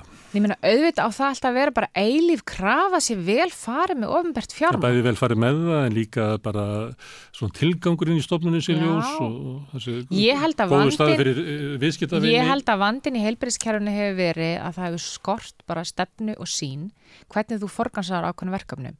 Við erum að fara að kynna tilugurunni heilbæriðsmálum í næsta mánu þar sem við ætlum bara að vera með fimm punta plan og, og erum að fara með ringin um landið. Já, og við erum bara búin að átta okkur á því hvar það er sem að flestir gera aðtjóðsendur við Já. og það er ekki um að hafa komist ekki í liðskipta aðgerð heldur að erum ekki með einhvern aðila í heilbyrgskerfinu sem þekkir það sem þekkir þeirra aðstæður mm. sem gerir það verkum að þegar það þarf að sækja sér flókn og þjónustu að það getur leiðbent þeim og það hafi einhvern veginn eitthvað bara fast landund í fótum en ég held að það, sé, sko, það var mín grundvallar tilfinning sem ég upplifur fólki að fólku upplifur örgisleysi, það veit ekki hvert á að fara mm. og við verðum að byrja á byrjunin í því mm. samengi. Má ég segja reitt hérna að þau verum að tala um uh, Norðurlöndin eins og fluttið til Danmarkur mm. og þá fer maður og sækir kennitölu til Hagstofunar ja. og það er bara venjulegt sittur á móti ykkur í konu sem aðgrötu mig og svo uh, hérna réttum mér að þið skrifaði á svona gula miða mm. rétti mér þetta er heimilisleikniðin mm. það fekk ég útlutað heimilisleiknið þegar ég fekk kennitöluna ja. og mér veist þetta var og þetta er skrifið sístam og maður ekkert ógstuð það, maður ekkert sett þetta að mér en svo ringd hann í mig þreymönduðu sena mm. og vildi fá mig í lækniskon ég sagði að það er ekkert að mér ég er bara í góðu standi, nei það ég er ekki fyrir þig þetta er fyrir mig, að ég ber ábyrð á helsuðri mm. hann kallaði mig inn í helsugjöldu með þetta að vera kerfi sem ja. fungerar Nei, en þetta er Ég er ekki að gera lítið úr floknum vandamálum. Ah. Ég er ekki að gera lítið úr floknum vandamálum nei. en það sem fólki í landinu vil er ekki floknum hlutir sko. Nei, nei. Það vil bara grunn þjónastan virki og hún í grundvallega aðrum er auðvitað fjármagnað af ofinböru fjö en þetta er allt saman reikið ofinböru fjö, mm. skilur við. Í sömu tilvikum ertu með verktaka Ég ræti til dæmis við einstaklinga sem að vinna innan heilsugæslunar sem hafa reynslu að því að hafa eitt tímanum á ofnbæri stöð og engarreikinni og þau, þau hérna þetta voru fleiri neitt einstaklingur sem hafa þessa reynslu og þau sjálfur sem launamenn sögðu að þá er bara mismunandi eftir tímabilim í þeirra lífi hvað þau treystu sér til að gera. Mm. Þegar einn var einstað móðu með þrjú börn, þá var þælar fyrir hana að vera ofnbjörn starfsmæður, þurfi ekki að taka ábyrð á fjármagnum sem kemur inn, en síðan þegar hún var komin með aðeins fastlandundi fótum, og vildi hafa aðeins meira sögurum í sinni vinnu, þá fannst henn þægilt að geta farið á enga rekna stöð, hafa aðeins meiri ábyrð á því að fá inn peningi með hverja meginn sjúkling, er samt undir gríðarlegu eftirliti, skilju, þannig að það er bara mismöndi aðstæður í lífi fólks líka sem veitir þessa þjónustu og það er líka það sem heilbyrjastarfsfólk kallar eftir, að þá gengur í gegnum mismöndi tímabil og vil geta veit þjónustunum með bestum hætti. En ég menna eftirlit er bara 1, 2 og 3 og ég meina það er bara, hefur ekki verið pólitískur vilji og ég legg þetta ekki að jöfnu að vilja ekki hérna eðullum engarekstur og tala um eftirlit og, og, og hérna tala um sjálfstæðsflokk, ég meina sjálfstæðsflokkun hefur ekki viljað fjármagna sjúkratryggingar Íslands.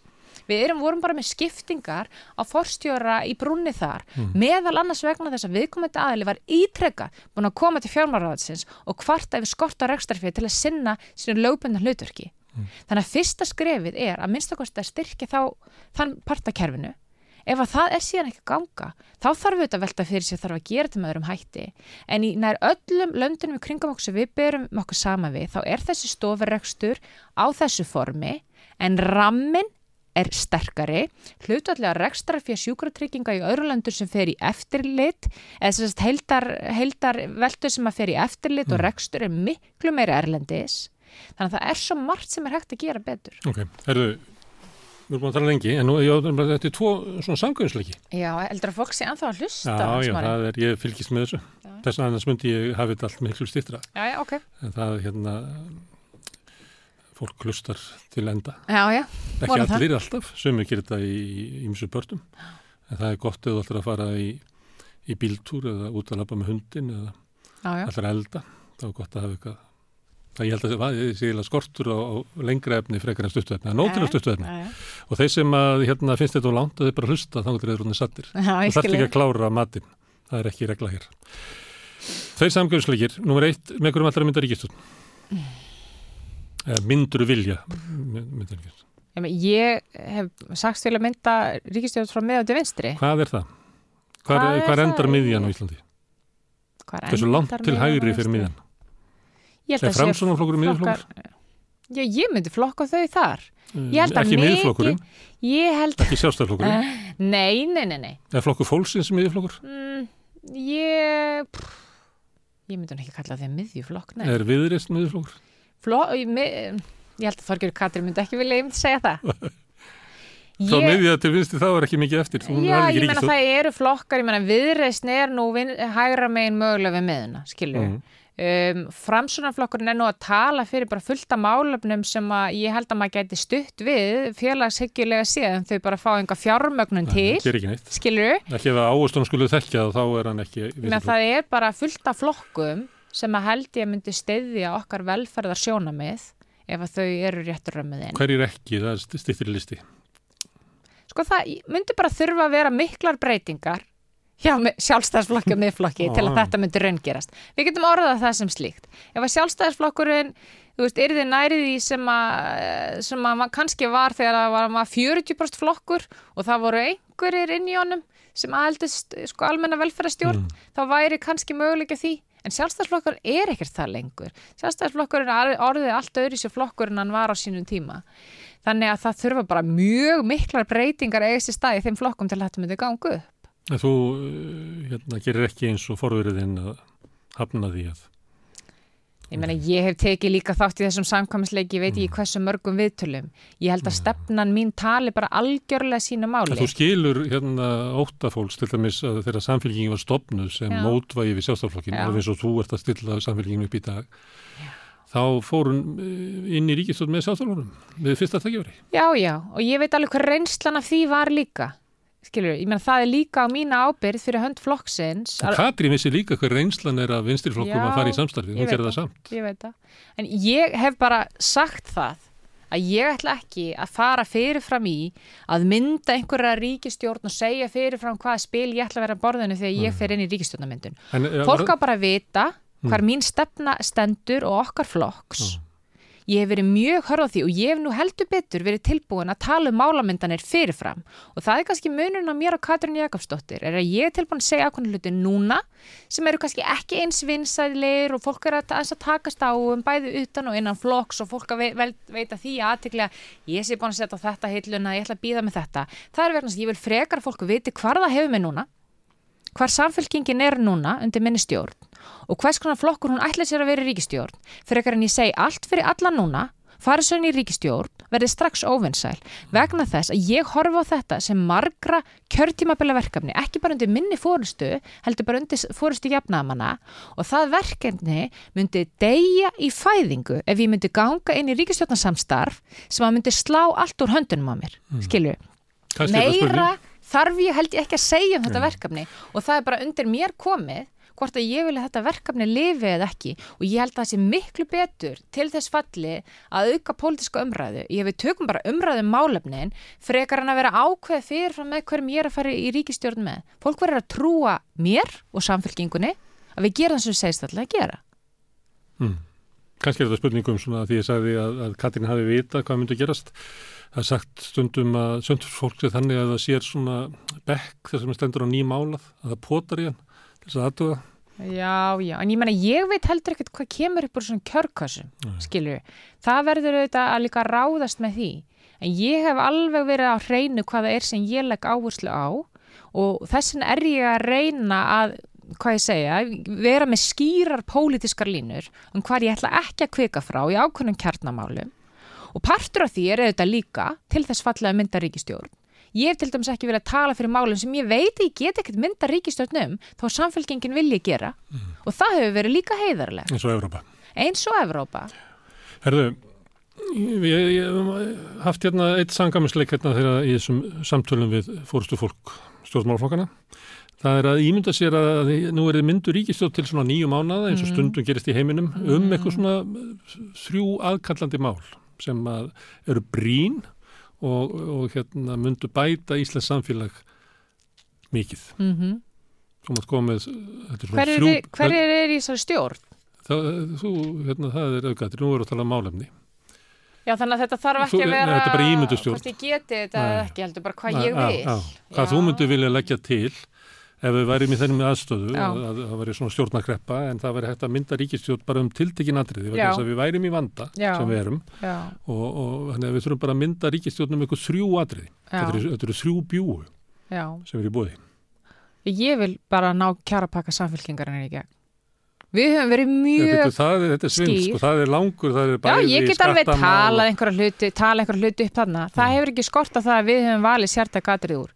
Ég meina, við höfum unnið þannig að ég veit að ef ég ætla að fara að taka alla fjármála á allan ríkistjórnar alltaf í gegnum breytingatillum, þá verði ég, skilur, heilt sömur af því, venast að það snýst bara um langtíman pólitíska stefnumótum. Um, síðasta vor hins vegar og, og hérna fyrir síðustu jól, þá settum við fram bara mjög eh, svona konkrétt tillögur. Það er fólist meðal annars í því að horfa á útgjaldahliðina, venast að það er hérna þetta alltaf fókus, en líka tekjuhliðina og fjármagnaða og það er það sem ég vil að mestar ágjöra, þessi engi vilja til að taka pólitíska ákvörðun. Þannig að ef ég má velja þrjá hluti verð ég þá að blanda því af útgjöldum og aðhaldi hinum Þú var það ræður, þú mátt bara segja Já, ég og Ég menn það þarf að hækka fjármastekjuskatt hérna. mm, Um, og við veitum til að mynda að ef við myndum hækka fjármastekjuskatt upp í 25% og þá erum við samt ekki komin í sko jöfnuð á skattripunum, efsta skattripunu við erum ennþá undir Norðurlandun. Um, þá myndum við ná inn að minnstakosti 5 miljardum króna og við hefum bara látið reikna þetta út í fjármálaráðanundinu að svona skattahækkun, hún myndi aðeins eða e eiginlega nær einverðingu snerta efsta 10% vennast að það er búið að setja ákvæmna hlutin í kerfið um, og síðan myndi ég vilja líka setja á uh, breytingar til dæmis á EHF-gatinu. Það er að segja að komi vekk fyrir að fólk stundi skattundanskot með að telja launum tekið fram sem fjármastekjur. Mm. Þarna til ég að við getum bara náð fram svona, svona frekar sjálfgefnum breytingum í okkar samfélagi. Því nú erum við að tala um kannski hvað er raunæft. Ég meina, EHF-gati snýst bara ekki um auka skattheimtu, heldur bara um að fólk virði skattripin. Um, með fjármastekjuskattin þá, eh, þá snýst þetta einföldlega um að við förum í átt að einhverju auk, aukinni sangin. Við erum ekki eins og komin allarleið þanga. Þú ert ekki búin að skrúa ofan af breytingum nýfjölsvíkunar. Nei, ég meina þetta er eitthvað sem ég sé ekki eitthvað ég En að kom loka ég af kattinu, má ég spyrja um það. Er það hérna píparinn sem kom heim uh, að þú ert að, láta hann hérna hætta að borga sér fjármagstekjuskatt út úr EHF-inu sínu, heldur að borga sér laun eða snýst það um, um Með, hérna arðin sem hann fer greittu upp úr livjafyrirtækinu sínu. Nei, menn þetta snýst bara um alla sem eru með EHF og geta tekið ákvörunum hvað er hvort þeir sé að borga fjármastekjur eða lönutekjur. Þetta er mjög, mjög, mjög lítill hópur sem gerir þetta ránt. Mm. 99% einstaklinga er bara stránkæðilegt fólk sem telur bara rétt fram hvort sem að sé með verktakagreislur eða annað út af ykkur öðru fyrirtæki. En þarna er svigrum til þess að telja ránt fram. Í löndunum í kringum okkur eins og í Norðurlöndum er bara mjög skýra reglur.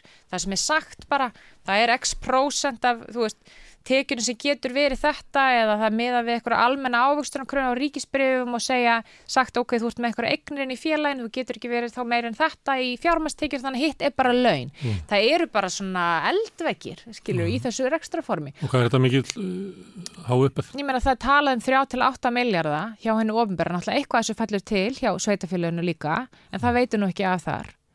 Nú er ég búið með tvær af þremur. Já, og bara eitt bjúið eftir sem er alltaf erfitt að bjúið, sko. Já, þetta er svolítið Í erfitt. sögunni endaði, að- nei, það var tekið af nefi. Já, meni, ég er náttúrulega með svo margar hluti þarna en ég held sko ég er náttúrulega með eina sem hefur reyndar ekkert með útgjöld að gera þannig ég fæ kannski að hafa tvent ég vil setja á legubremsu Mm. og ég vil að, að í núverandi aðstæðum sé greitur vakstabótaauki vakstabótaauki sem við höfum talað fyrir í samfélkingunni eins og var gert árun eftir hrun þetta er raunin bara engreisla, þetta getur verið 250 til 350 krónur fyrir fjölskyldu og það var hægt að fjármagna þetta vel innan þess sem að við erum búin að tala um. Þannig ég er bara meðduðum að við getum farið ykkur sértakarlausnir sem eru vel fjármagnaðar, hittir fólk beintar sem er í dag. Þetta er ekki lausn á heimsins vandamálum á Íslandi í dag. Þetta er plástur á sár um, en þetta er þetta eru vísbendingar um hvert við erum að fara. Þetta er líka ákveðin vonin í umræðina það sem er oft sagt af ríkjandi stjórnvöldum að það sé bara ekki hægt að gera hitt og þetta eða það takir svo langan tíma og ég veit alveg að þú umbyltir ekkit hlutunum að einni nóttu. Þetta er hægt að gera. Þetta er hægt að gera í næstu fjárlögum skilu, þau, þau geta lagt þetta fram núna 12. september. Mm. og ég meina við munum halda fram að berast fyrir þessu. Við erum ekkit alltaf að finna upp hjóli við vitum að þetta er hægt Herðu, framöndan er hérna glíma stjórnarhansstuðunar við ríkistjórnina, en það er líka held ég að verði svona munum spjóti beinast að þér og samfélkingunni. Mm. Að svona viðreist og píratar og fleiri flokkar sjá að, að sko það kemur ekki til okkar svona óanægi fylgi frá ríkistjórninni, fyrir allt til Kristúrunar og eða ánægi fylgir með samfélkinguna smá. Ja, en ég held að þau fari svolítið í það að, að reyna að draga eh, reyna að, að draga ykkur svolítið úr skotgrónum. Ég hef nú sagt að hérna að, stundum virkaði, það er kannski aðeins breyst núna allra síðustu daga, en það virkaði svolítið svona í sumar eins og samfélkingin ætla að halda niður í sér andanum í tvö ár frá mm. kostingum. Ég stikki ekki sko fylgið. Já. Já. Eh, Er það venast að við vorum ekki alltaf í fjölmjölum að tala um hvað ríkistöndin var ömuleg? Nei, eða bara eitthvað. Það-. Það, ég held að verði núna mjög sótt að ykkur Já. við að, að tala skýrt hvað, hérna, er, ertu með á móti, ertu með á móti Já. til þess að draga fram ykkur mál sem að hugsalega gæti verið sprengt blöðrum. Já, ég meina þú ert að því meðlans í dag, þú ert að reyna að fá mig til þess að, ég meina og ég fagna því bara, það setur ekkert að mér þegar kemur að svörum. Ég er bara mjög upptíkin að því í mínu starfi að sko ég er að reyna að vinna að einhverju plani til að nota þegar við tökum við. Og ég ætla ekki að eigða öllum tímanum mínum í stjórnarnastu, alltaf bara vera eitthvað að poti þau og vera svo ekki meðnitt sjálf. Og það tekur bara tíma, ég get það bara upplýst um það, það tekur bara rosalega mikinn tíma að vinna svona málefnavinnu, ekki að því ég er eitthvað öll að vinna hana, heldur að ég er með stýrihóp, við erum með græsötunum, fórum hittum allt þetta fólk, það að samhæfa og halda utanum flokk og vera með pólitíska stefnu, ég held að þú vitir þetta manna best, þetta er gríðarlega orka að vinna sem fer í þetta, ég tek þessu bara mjög alvarlega og þetta er forgangsadri hjá mér núna, ég sé ekkit ástæðið þess að vera að hlaupa til í fréttar og benda á þið augljósa sem er að þetta ríkistjórnarssamstar er í vandræðum og að þýlutum til er ég að leifa þeim bara engest í friði í enda eins og ég sagði hérna En í ég var að upphafi. spá því að þau eru að keira auðvitað í ríkistjóttina. Já. En núna í haust Að munum við svona í keira þig. auðvitað í því. Já, já, ég veit ekkert hvað þau gera. Ég mun þá bara þurfa að eiga við það eins og það er. Það mun ekki taka mig út af læginu. Eh, Við erum bara mjög einbeitt, við sem erum í flokknum, bæði þingflokknum, á sveitarstjórnastíðinu, í stjórn og frangatstjórn flokksins að vinna ákveðin verkefni. Ég er upptegnar af verkefninu sem leik. Ef fólk vil eiga tíma að hjóli mig, má það alveg gera það. Veist, það tekur mig ekkit út af læginu. Í lókdags er ég bara ábyrð fyrir því að við skilum þessari stefnu í hús, fólk viti hvað er að kjósa samfélkingunum og að næstu kostningar snúist ekki um hvort að við höfum verið hávaristu oftast í fréttum að benda að auðlusa, heldur að við séum ykkur lausnir. Þannig að ég er bara undir allt búin og ef ég, ef ég myndi láta þetta fara mikið í tögunar á mér, þá væri ég örgulega lungu hætti í þessu. Herðu. Gaman að fá þig, Kristrún, að tala um pólitík. Takk fyrir að um hafa. Já, já, Já. Mjög gaman að tala um Og pólitík. fólki, ég get alveg sagt þér að fólki sem er að hlusta á okkur. Því finnst gaman að hlusta á, á pólitíkstall. Já, ég get alveg trúið því. Já, meinir þið farnir. Herðu, kæra þakkir. Takk fyrir mig. Og þetta er uh, rauðaborðið í, í dag. Við verðum aftur með rauðaborðið hér á morgun klukkan 8. Sjáumst á.